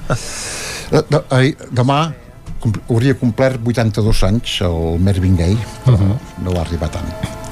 Doncs Ara, per molts anys. sí, la part que, acomidem- la, que li toqui, sí, sí. Sí. Oh, és molt fort que, la, que et mati el teu pare, eh? Molt. Sí. I ara, per acomiadar-nos, estem sentint Save the Children, salveu els nens. O sigui, és una, un disc conscienciat. sí. Doncs amb aquesta peça acabarem la secció d'avui de discos que han fet història, recordant que estem parlant del Marvin Gaye. Amb quin disc, Jaume? What's going on?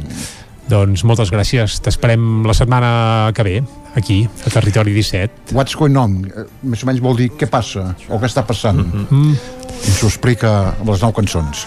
Molt bé. Molt bé. Senyor premonitori. Fins, fins la setmana que ve. Exacte. Vinga, salut. Nosaltres ara una mica de música. Tornarem a dos quarts en punt descobrint algun racó de Catalunya.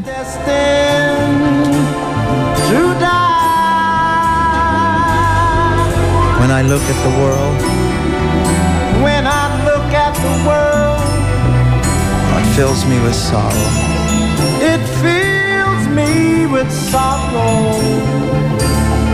Little children today. Children today. Are they gonna suffer tomorrow? Territori 17. El nou FM, la ràdio de casa, al 92.8. Vine a Autoscola Montseny i t'informarem de les nostres ofertes. Permís de moto 16 anys amb 4 pràctiques des de 399 euros. Permís de moto 18 anys amb 4 pràctiques des de 425 euros. Permís de cotxe amb 10 pràctiques des de 460 euros. I si vens amb un amic, et regalem una pràctica. Per més informació, Autoscola Montseny, a la Rambla de Vallades 13, primer segona de Vic, al telèfon 93 885 45 88 i també a Facebook i Instagram. Cocodril Club. Si t'agrada la bona música dels anys 60, 70 i 80, escolta el 9 FM als matins de dissabtes i diumenges d'11 a 1. És el temps del Cocodril Club, tot un clàssic de la ràdio, amb les bases del pop-rock, les llegendes, les cançons que s'han convertit en autèntics himnes. Recorda, dissabtes i diumenges al matí, d'11 a 1, al 9 FM 92.8. Cocodril Club, el programa revival de l'Albert Malla.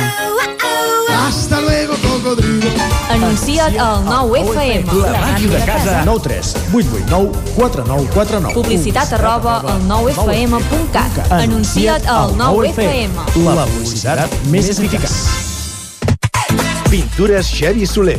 Tot en pintures. Façanes, obra nova, rehabilitacions interiors de vivenda, estucs, microciments, pintura industrial, motllures, terres vinílics... Pintures Xevi Soler. Ens agrada assessorar-vos i fer de casa vostra el millor lloc del món. Ens trobareu a Manlleu, al carrer Sogorb 113, telèfon 616 15 87 33 o 93 851 3504. Vols gaudir d'un bon arròs a casa sense no haver d'embrutar ni preocupar-te per res?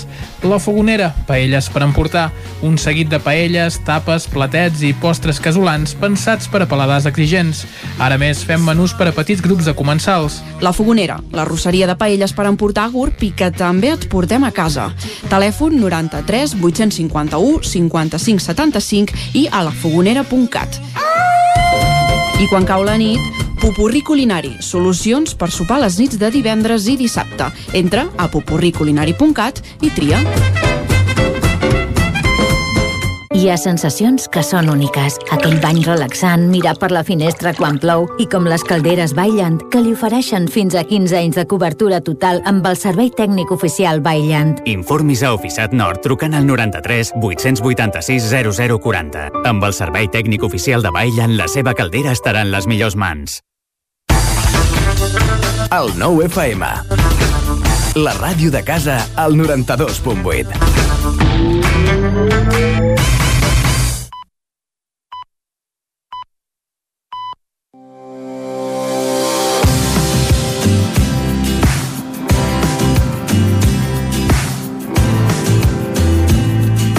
El poble de Sant Pere de Vilamajor es troba a la plana del Vallès Oriental i es fon amb el massís del Montseny. El centre històric compta amb una magnífica torre romànica que va formar part del castell de Vilamajor, palau de repòs dels comtes de Barcelona. Per commemorar les estades de la família reial al municipi, cada novembre se celebren les vetllades medievals del Vilamagore, que inclouen representacions teatrals, justes de cavalls i un mercat temàtic. Textos documentals ens detallen la presència de grans torres, una gran sala amb pintures serraïnes, fargues i molins. La llegenda diu que hi va néixer el rei Alfons I de Catalunya i es conserven albarans de les despeses que hi realitzava la reina Peronella d'Aragó. El terratrèmol del 1448 va enderrocar gran part del castell comtal i la Sagrera amb les seves muralles. El conjunt és conegut amb el nom de la Força. L'església gòtica de Sant Pere, una de les més esbeltes de la comarca, i les cases que l'envolten van ser reconstruïdes a partir de les pedres castrals. Actualment es conserven força restes del castell, sent-ne les més significatives part de les muralles i torres.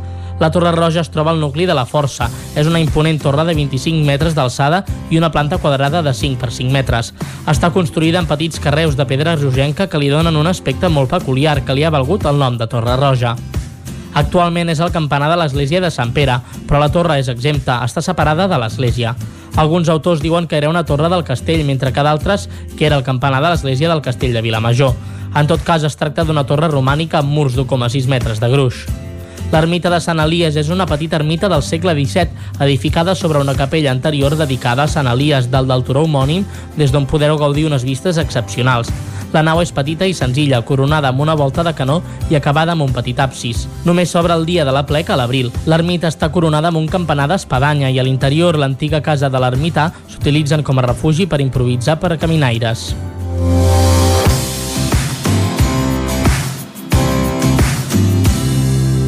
Territori 17. I de Sant Pere de Vilamajor, Vicenç, anem directament cap a la R3. Anem-hi. A la Trenc d'Alba.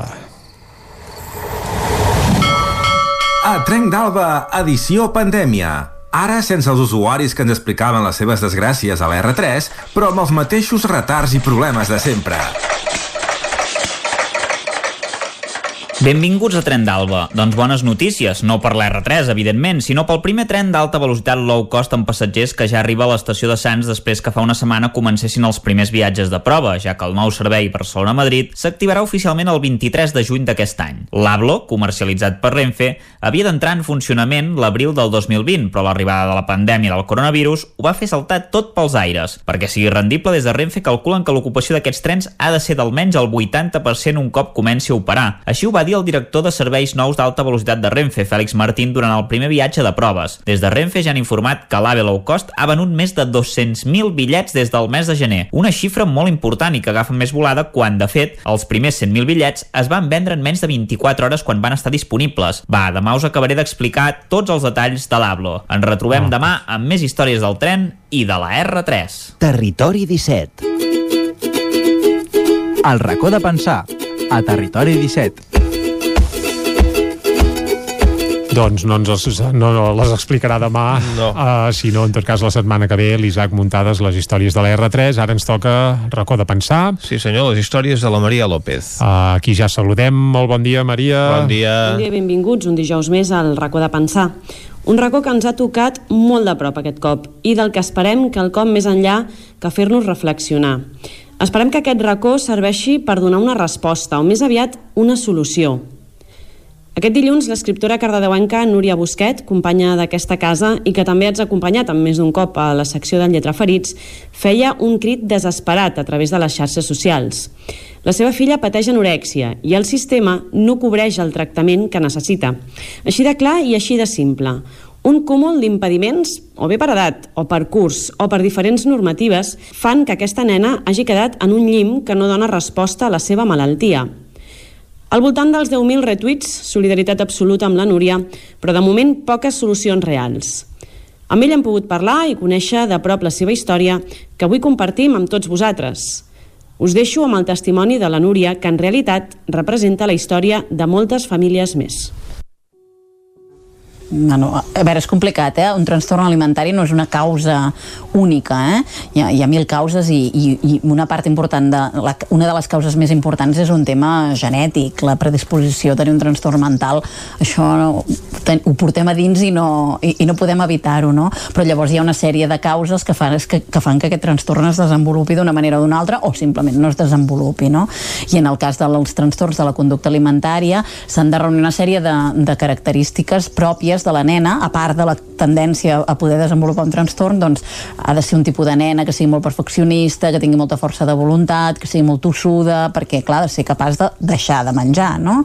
Una nena que tingui certs conflictes amb el seu propi cos o que, hagi, o, o que algú li hagi, li hagi provocat aquests conflictes i aquí és on hi entra tot el tema social o familiar, inclús, i, i després eh, hi ha d'haver algun de, desencadenant, algun tipus d'angoixa, alguna cosa que provoqui que es desencadeni el trastorn. Vull dir que hi ha moltes causes, eh? Uh, en, en el meu cas, jo considero que el, que el desencadenant va ser el confinament però que ella ja tenia un historial de, de moltes, molts inputs que l'havien portat fins allà. Eh? Uh, arrel del confinament ella feia un projecte a l'institut que consistia en cal calcular les calories que menjaven durant el confinament i fer un, un número d'exercici al dia, que era un, era, era un un projecte que buscava que els nanos fessin una vida sana, no, no estiguessin tot el dia davant de les pantalles i, i, i mengessin bé, però clar, en el, en el cas de la meva filla doncs va tenir una importància clau, no? Ella va començar a, a, a calcular el que menjava, i apuntar-ho i després també a fer molt exercici. Feia molt exercici perquè, clar, hi havia diferents nivells d'exercici que volia fer, que podia fer i ella feia el màxim, no? I havia de, de ser la que menjava més bé, la que, la que feia més exercici tot plegat. Aquí, aquí ens vam preocupar relativament perquè, clar, jo vaig pensar que ella, això era una, la seva manera de gestionar l'angoixa que teníem tots, doncs ho feia intentant doncs, fer-ho el màxim de bé, no? Les notes que va treure a l'escola van ser molt extraordinàries perquè va dedicar molt temps i molta energia a a, a treballar tot el, tot, tot el tema de, de, de l'escola, no? I, I llavors, de cara a l'estiu, ens vam trobar que va començar a reduir les ingestes. I tampoc aquí no em vaig acabar de preocupar perquè, perquè menjava poc, però clar, era l'estiu, feia molta calor, mm, no tens gana, estàs més nerviós i a més ella estava creixent, estava fent alta i, i s'anava primant també per, perquè s'allargava, llavors no ho vam notar gaire. Però de cara a finals de juliol, principis d'agost, aquí sí que ja ens vam preocupar perquè realment era molt, era molt bèstia la, la, la quantitat de menjar que, havia, que, havia, que deixava de banda i, i potser també estàvem fixant-nos una mica més. No? I a principis d'agost vam, vam contactar amb el CAP per demanar-los assessorament o perquè algú ens ajudés o ens orientés cap on podíem anar perquè estàvem preocupats per, per això, no? El CAP estava en plena pandèmia, evidentment no ens van visitar, sinó que ens van dir que ja ens trucarien, no ens van trucar, i, i, i ens van trucar al cap de dues setmanes, però abans nosaltres ja havíem parlat amb el cap de Llinars, en persona, el pare de la meva filla va anar, va anar al cap de Llinars, es va presentar allà i va poder parlar amb un pediatre que, que així molt d'estranquis ens va derivar al CESMIC, que és el Centre de Salut Mental Infantil i Juvenil, que, que té una seu a, a Granollers. Vale?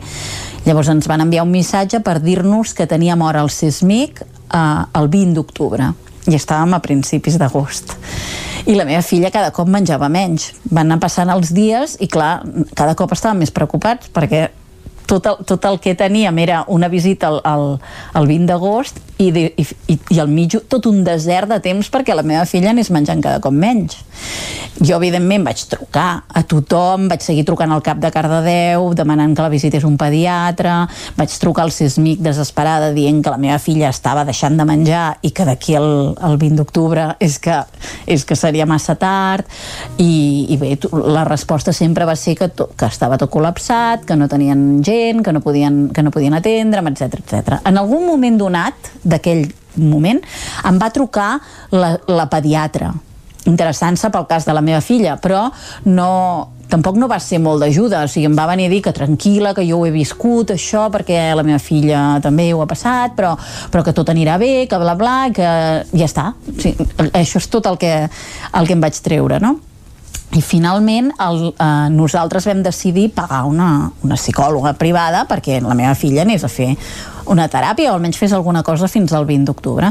Vam pagar una psicòloga privada que no va funcionar bé eh, perquè després vam saber que ens havien dit que era especialista en trastorns alimentaris però no, va resultar que no ho era tant i, i cada cop ella anava perdent més pes. L'angoixa d'aquest temps no només era anar veient que la cosa baixava i ningú no ens donava una resposta, sinó també no saber què fer amb això. No sabíem si li havíem de donar menjar, si no li havíem de donar menjar, si l'havíem d'obligar, si l'havíem de castigar o no l'havíem de castigar, si això havia de tenir conseqüències o no, si ella, saps? Era, era molt angoixant, no?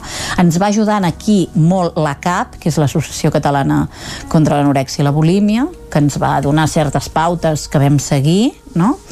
I finalment el 19 d'octubre, no, perdona, el 29 de setembre vam anar, a, vam anar a Sant Joan de Déu d'urgència perquè jo tenia, sentia la necessitat que algú visités la meva filla. La meva filla no havia vist cap metge.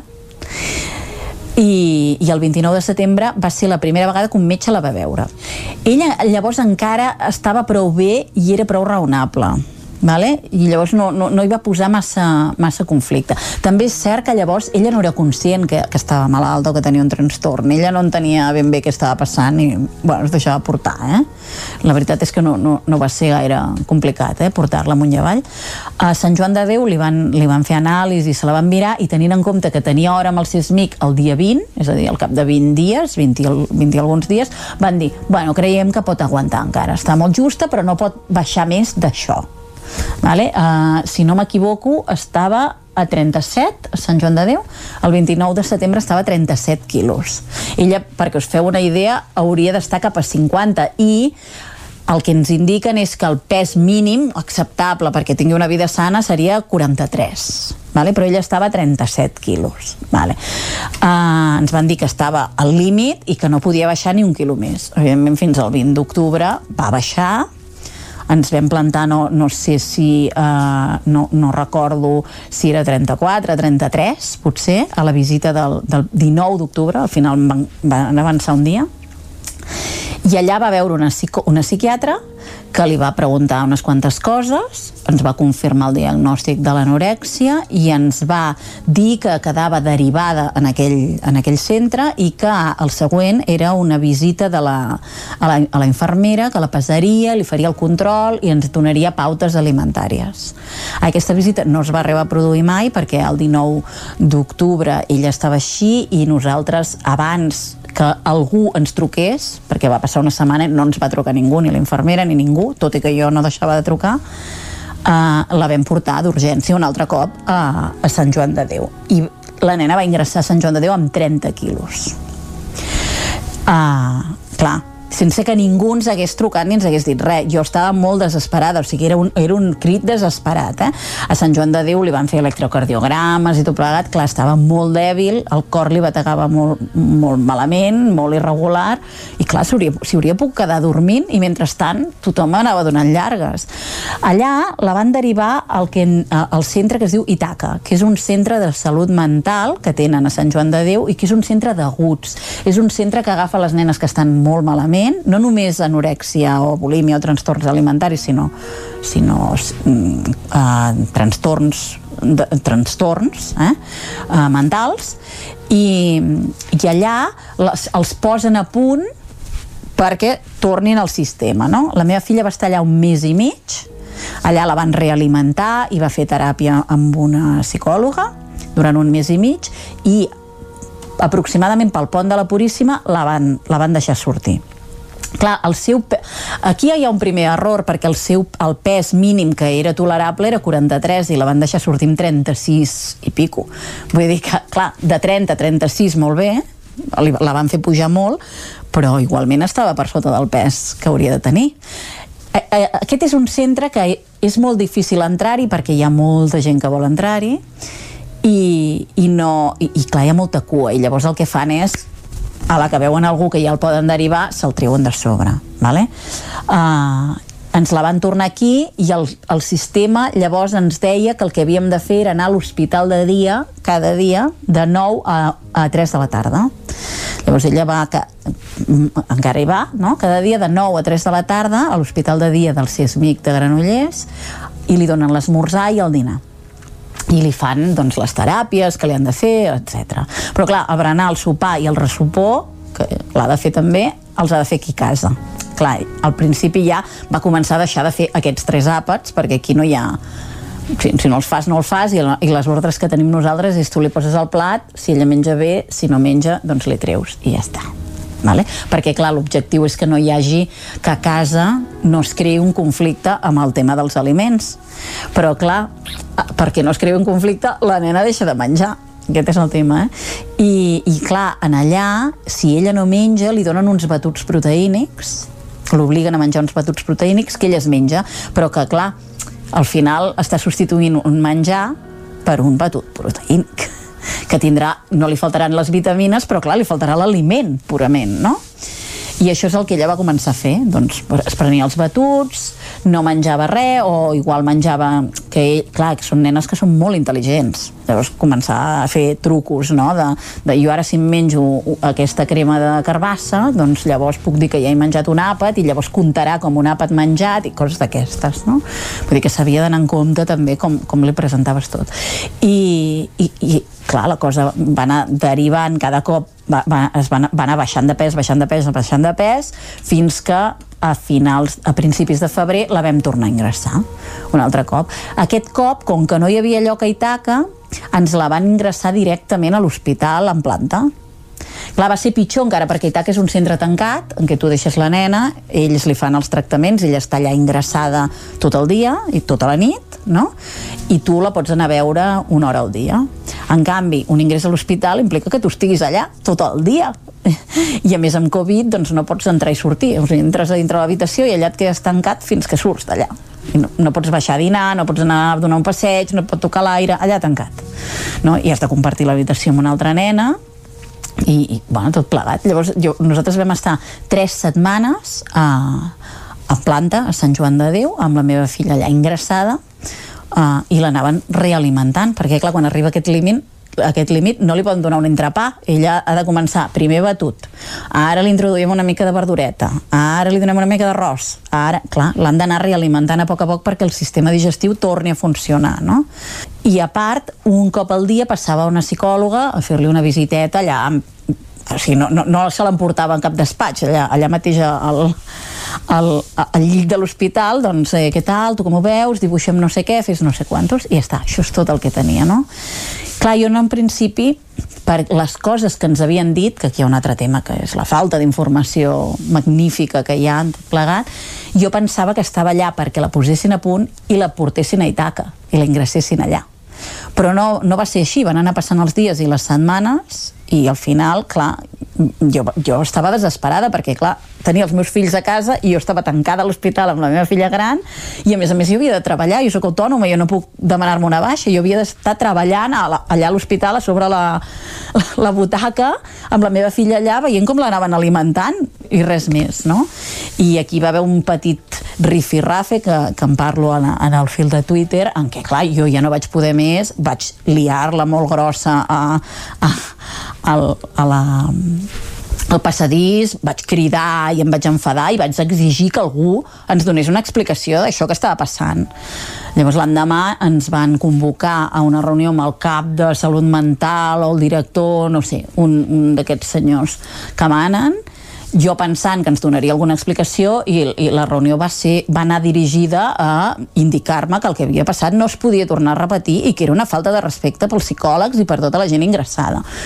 Clar, jo no vaig voler entrar en debat amb això, o sigui, jo vaig dir, vale, perdoneu-me, però jo porto aquí dues setmanes ingressada amb la meva filla al costat, sense poder treballar, sense poder veure els meus fills, i tot plegat, perdoneu-me que hagi perdut els estreps, però és que, clar, és lo mínim, és lo mínim.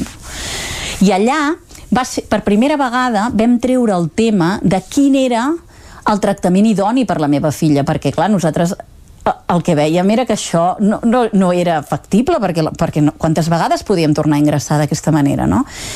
i ho vam saber quan vam treure el tema de, mm, de poder, mirar la manera d'ingressar-la en un hospital eh, privat, en una clínica privada. Aquí tot va ser una meravella. Clar, aquí ens van dir, ah, exacte, això és el que necessita la teva filla. La teva filla necessita un ingrés llarg, prolongat, amb el tractament, amb l'alimentació i el tractament durant una llarga estada. I clar, nosaltres els vam dir, ja, però és que això nosaltres no ho podem pagar. Nosaltres ho volem fer, però no ho podem pagar. I ells ens van dir, doncs clar, si no ho podeu pagar, això és el que us pot donar el sistema públic i, i és el que tindreu, no? La meva filla va sortir de l'hospital, quan la vam veure més o menys així cap a casa, vam tornar un altre cop, i és el que estem ara eh, des de fa una setmana i mitja doncs, amb, amb el tema aquest d'anar a l'hospital de dia, a casa el dia zero, el primer àpat a l'hospital de dia ja no el va fer. Vull dir que ella va menjar tots els dies que va estar ingressada a l'hospital molt intel·ligentment perquè va pensar si menjo cada dia cada dia en tres setmanes em, em trauran, si no menjo cada dia cada dia igual m'estic 4 o 5 Llavors ella molt intel·ligentment va menjar tots els àpats i va sortir amb un pes de 34, vull dir que tampoc no és que ens la tornessin allò en plena salut i, i ara està anant a l'hospital de dia i menja menja si va a l'hospital de dia de, de Sant Joan de Déu els caps de setmana que allà hi va, i allà menja perquè els batuts que donen allà són més proteínics i més xungos i això ella ho sap i llavors allà menja i en canvi a, Sant Joan, a, a l'hospital de dia de Granollers no menja el batut. I a casa evidentment no menja. Amb la desesperació nostra de saber, perquè llavors també vam parlar amb el seu psicòleg de capçalera d'aquí de, de Granollers, li vam dir, digue'ns la veritat, la nostra filla, quin seria el seu tractament òptim, perfecte? Si vosaltres ens el poguéssiu donar, doncs clar, seria el tractament que donen en una, en una clínica privada. I a més, el, el que em sap més greu és que totes aquestes coses que ara us explico jo les he anat aprenent sola, ningú me les ha explicat, me les he trobat quan he preguntat I, que, i crec que aquestes coses ens les haurien d'explicar molt clarament a tots els pares quan ent entrem dintre, dintre una, un trastorn d'aquest. Ens haurien de seure i dir, teniu totes aquestes opcions, hi ha tots aquests tractaments, vosaltres, segons els diners que teniu, podeu fer aquest, aquest, aquest, o vosaltres no podeu fer aquest o aquest, o la sanitat pública pot oferir aquest, aquest. Això en cap moment a nosaltres ens ho han traslladat. Nosaltres ens han ficat a dintre el sistema i allà ens hem trobat navegant les aigües que, que ens indicaven, refiant-nos de les persones que ens, que, que ens feien anar endavant, no? I, I a partir de que comencem a qüestionar això, ens trobem amb tots els, les trampes i les rigideses del sistema, i una d'elles és aquesta. En els instituts hi ha una assegurança que està prevista per casos d'aquest tipus no? que requereixen un ingrés en un lloc privat. Aquests, aquestes assegurances et paguen el 80% del tractament privat, que no és cap meravella, sobretot tenint en compte que un tractament privat com el que necessita la meva filla pot costar uns 4.000 euros. I clar, el 80% de 4.000 euros tampoc no és poc. Però clar, nosaltres estaríem disposats a pagar-lo, aquests, a, aquests 800 euros, podríem trobar algú que ens els deixés, podríem buscar maneres de, de pagar-los. El problema és que tampoc no tenim accés a aquest, a aquesta assegurança perquè és a partir de tercer d'ESO. I la meva filla fa segon, amb la qual cosa fins que no comenci tercer d'ESO no podrem gaudir d'aquest d'aquest 80% de pagament d'això. Llavors ens trobem en un llim estrany en què el sistema no preveu res més per la meva filla que el que hi ha i el que hi ha és manifestament insuficient i, i, i es veu perquè una nena no pot estar ingressada cada dos, tres mesos en un hospital desnodrida evidentment hi ha alguna cosa que no funciona no? I, i, i és el que ens pot donar el sistema i el que ells diuen que és el que li convé i que no és veritat i ells saben que no és veritat i ho reconeixen amb la boca molt petita perquè clar, formen part d'aquest sistema, no? Però, però el cert és que qualsevol persona que, que, que no estigui ficada en tot això et pot explicar que, el que la, la, un trastorn alimentari com el que té la meva filla, que a més és greu, perquè clar, també s'ha anat, anat agravant, no? Un trastorn alimentari greu requereix un ingrés llarg i, i una teràpia constant. I això sempre que la nena estigui ben nodrida. Si no està ben nodrida, la teràpia psicològica no es pot ni treballar. És un camp, un camp erm, no? No, no s'hi pot fer res si no, si no, si no menja. I he tingut molta gent de bon... Eh, per una banda, molta gent que està en el mateix cas que jo o ha estat en el mateix cas que jo i això m'acompanya molt i penso que, ostres, ens hauríem d'unir més perquè, perquè aquesta malaltia és una malaltia molt silenciosa i la gent no en parla i jo no tinc cap problema en parlar-ne no em sento culpable que la meva filla tingui un trastorn de la conducta alimentària només faltaria, no? I, i, i molta gent s'avergonyeix perquè hi ha tot un estigma darrere el tema de l'anorèxia, el fet que les nenes vulguin estar primes i tot plegat, que això és la punta de l'iceberg i és molt superficial pel que fa al trastorn, és un trastorn molt més més complicat que això, no? Uh, llavors, el fet que molta gent em doni, em doni ànim, simplement, o, o em digui jo hi he passat i me n'he sortit, o em diguin jo estic en el mateix cas que tu i no me'n surto, doncs tot això m'ajuda, no? Això per una banda. Després hi ha altra gent que, que, que, que s'ha ofert per donar-me diners, per... i això és fantàstic i si, si cal ja, ja ho faré, no? I en tercer lloc, hi ha persones que tenen contactes, coneixen gent, coneixen un altre, parlarem aquest, parlarem l'altre, i aquesta és la gent que realment m'ha ajudat, no? Eh, intentaré que et donin hora al clínic, o intentaré que, que puguis parlar amb un especialista, o intentaré que es mogui això i allò. I l'últim grup és el grup, diguem, de, dels polítics, no? que són els més implicats, perquè al final eren els que, eren els que anava dirigit tot això, els psicòlegs que tracten tot això, ja sé que tenen mancances. I ells són els primers que les pateixen. I ells voldrien, entenc que voldrien que la meva filla tingués el millor tractament. El, el, el problema és que no el té perquè no tenen les eines i les eines d'aquí depenen doncs dels polítics, no? Uh, hi ha, per una banda, els polítics de diferents partits que es van posar en contacte amb mi, van dir que farien el que poguessin, parlarien amb la consellera, bla, bla, bla, bla, això per una banda, i llavors hi ha una persona concreta de la conselleria que ha parlat amb mi dues vegades i que tant la primera vegada com la segona, però sobretot la primera vegada, va denotar un desconeixement profundíssim de, de, del sistema i de com funciona el, el tractament d'un trastorn alimentari. Jo em vaig sorprendre molt. Entenc totes les mancances, entenc que és desesperant, però també entenc que les persones responsables d'això eh, tenen, altres, tenen altres prioritats. És el que penso jo que no hi hagi els diners ja ho entenc, eh? però per altres coses n'hi ha de diners, vull dir que... I la repercussió que ha tingut és perquè hi ha molta gent que està en la, en la mateixa situació o que ho veu i que, clar, no se'n parla, no se'n parla. Tro M'he trobat molta gent que em donava les gràcies perquè deien, "Eh, sort que algú n'ha parlat, no? Suposo que costa molt parlar d'això als mitjans i, i implicar-te en això i que igual no tothom està preparat, ja ho entenc, no?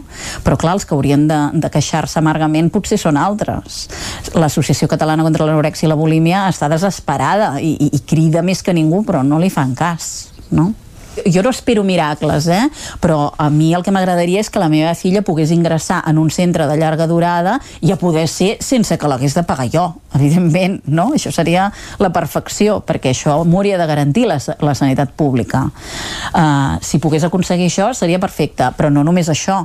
O sigui, el cas de la meva filla no pot ser que sigui, mira, la mare que s'ha queixat, anem a donar-li a donar-li el carmelet perquè la seva filla tingui el que, va- el, el, el que vol tenir i totes les nenes que estan allà amb ella i que no tenen mares amb forces, ni amb ganes, ni amb energia, ni, ni, ni els hi dona la gana de posar tuits ni de queixar-se, aquelles nenes segueixin allà havent de viure aquest calvari. Això requereix una, solu una solució que va més enllà de la meva filla. Jo vull una solució per la meva filla i explico el cas, però vull una solució de sistema, que això es tingui en compte i, i, no, i ningú més es trobi en aquesta situació que em trobo jo. Doncs això és el que esperem que ningú més es trobi en la mateixa situació que aquesta mare de Cardedeu que a conseqüència de la pandèmia està patint aquests greus problemes amb el trastorn alimentari de la seva filla. déu nhi aquest cas que hem conegut avui al racó de pensar amb Maria López. Uh, ara el que ens toca per això és ja acomiadar-nos, Vicenç, desitjar a tothom molt bona Setmana Santa perquè nosaltres no tornarem fins dimarts. Ah, exacte, nosaltres eh, tornem dimarts després d'aquest territori 17 que avui hem fet Clàudia Dinarès, David Oladell, Isaac Muntades, Caral Campàs, Pepa Costa, Isaac Moreno, Núria Lázaro, Òscar Muñoz, Maria López, Jaume Espuny, Jordi Sunyer i Vicenç Vigues. Doncs això, molt bona Setmana Santa, bon divendres sant, bona Pasqua de Resurrecció, bona mona, i dimarts tornarem a ser aquí, com sempre, des de les 9 del matí i fins a les 12 del migdia. Fins dimarts. Que vagi bé. Adeu. Territori 17, un magazín del nou FM. La veu de Sant Joan, Ona Codinenca i Ràdio Cardedeu amb el suport de la xarxa. El nou FM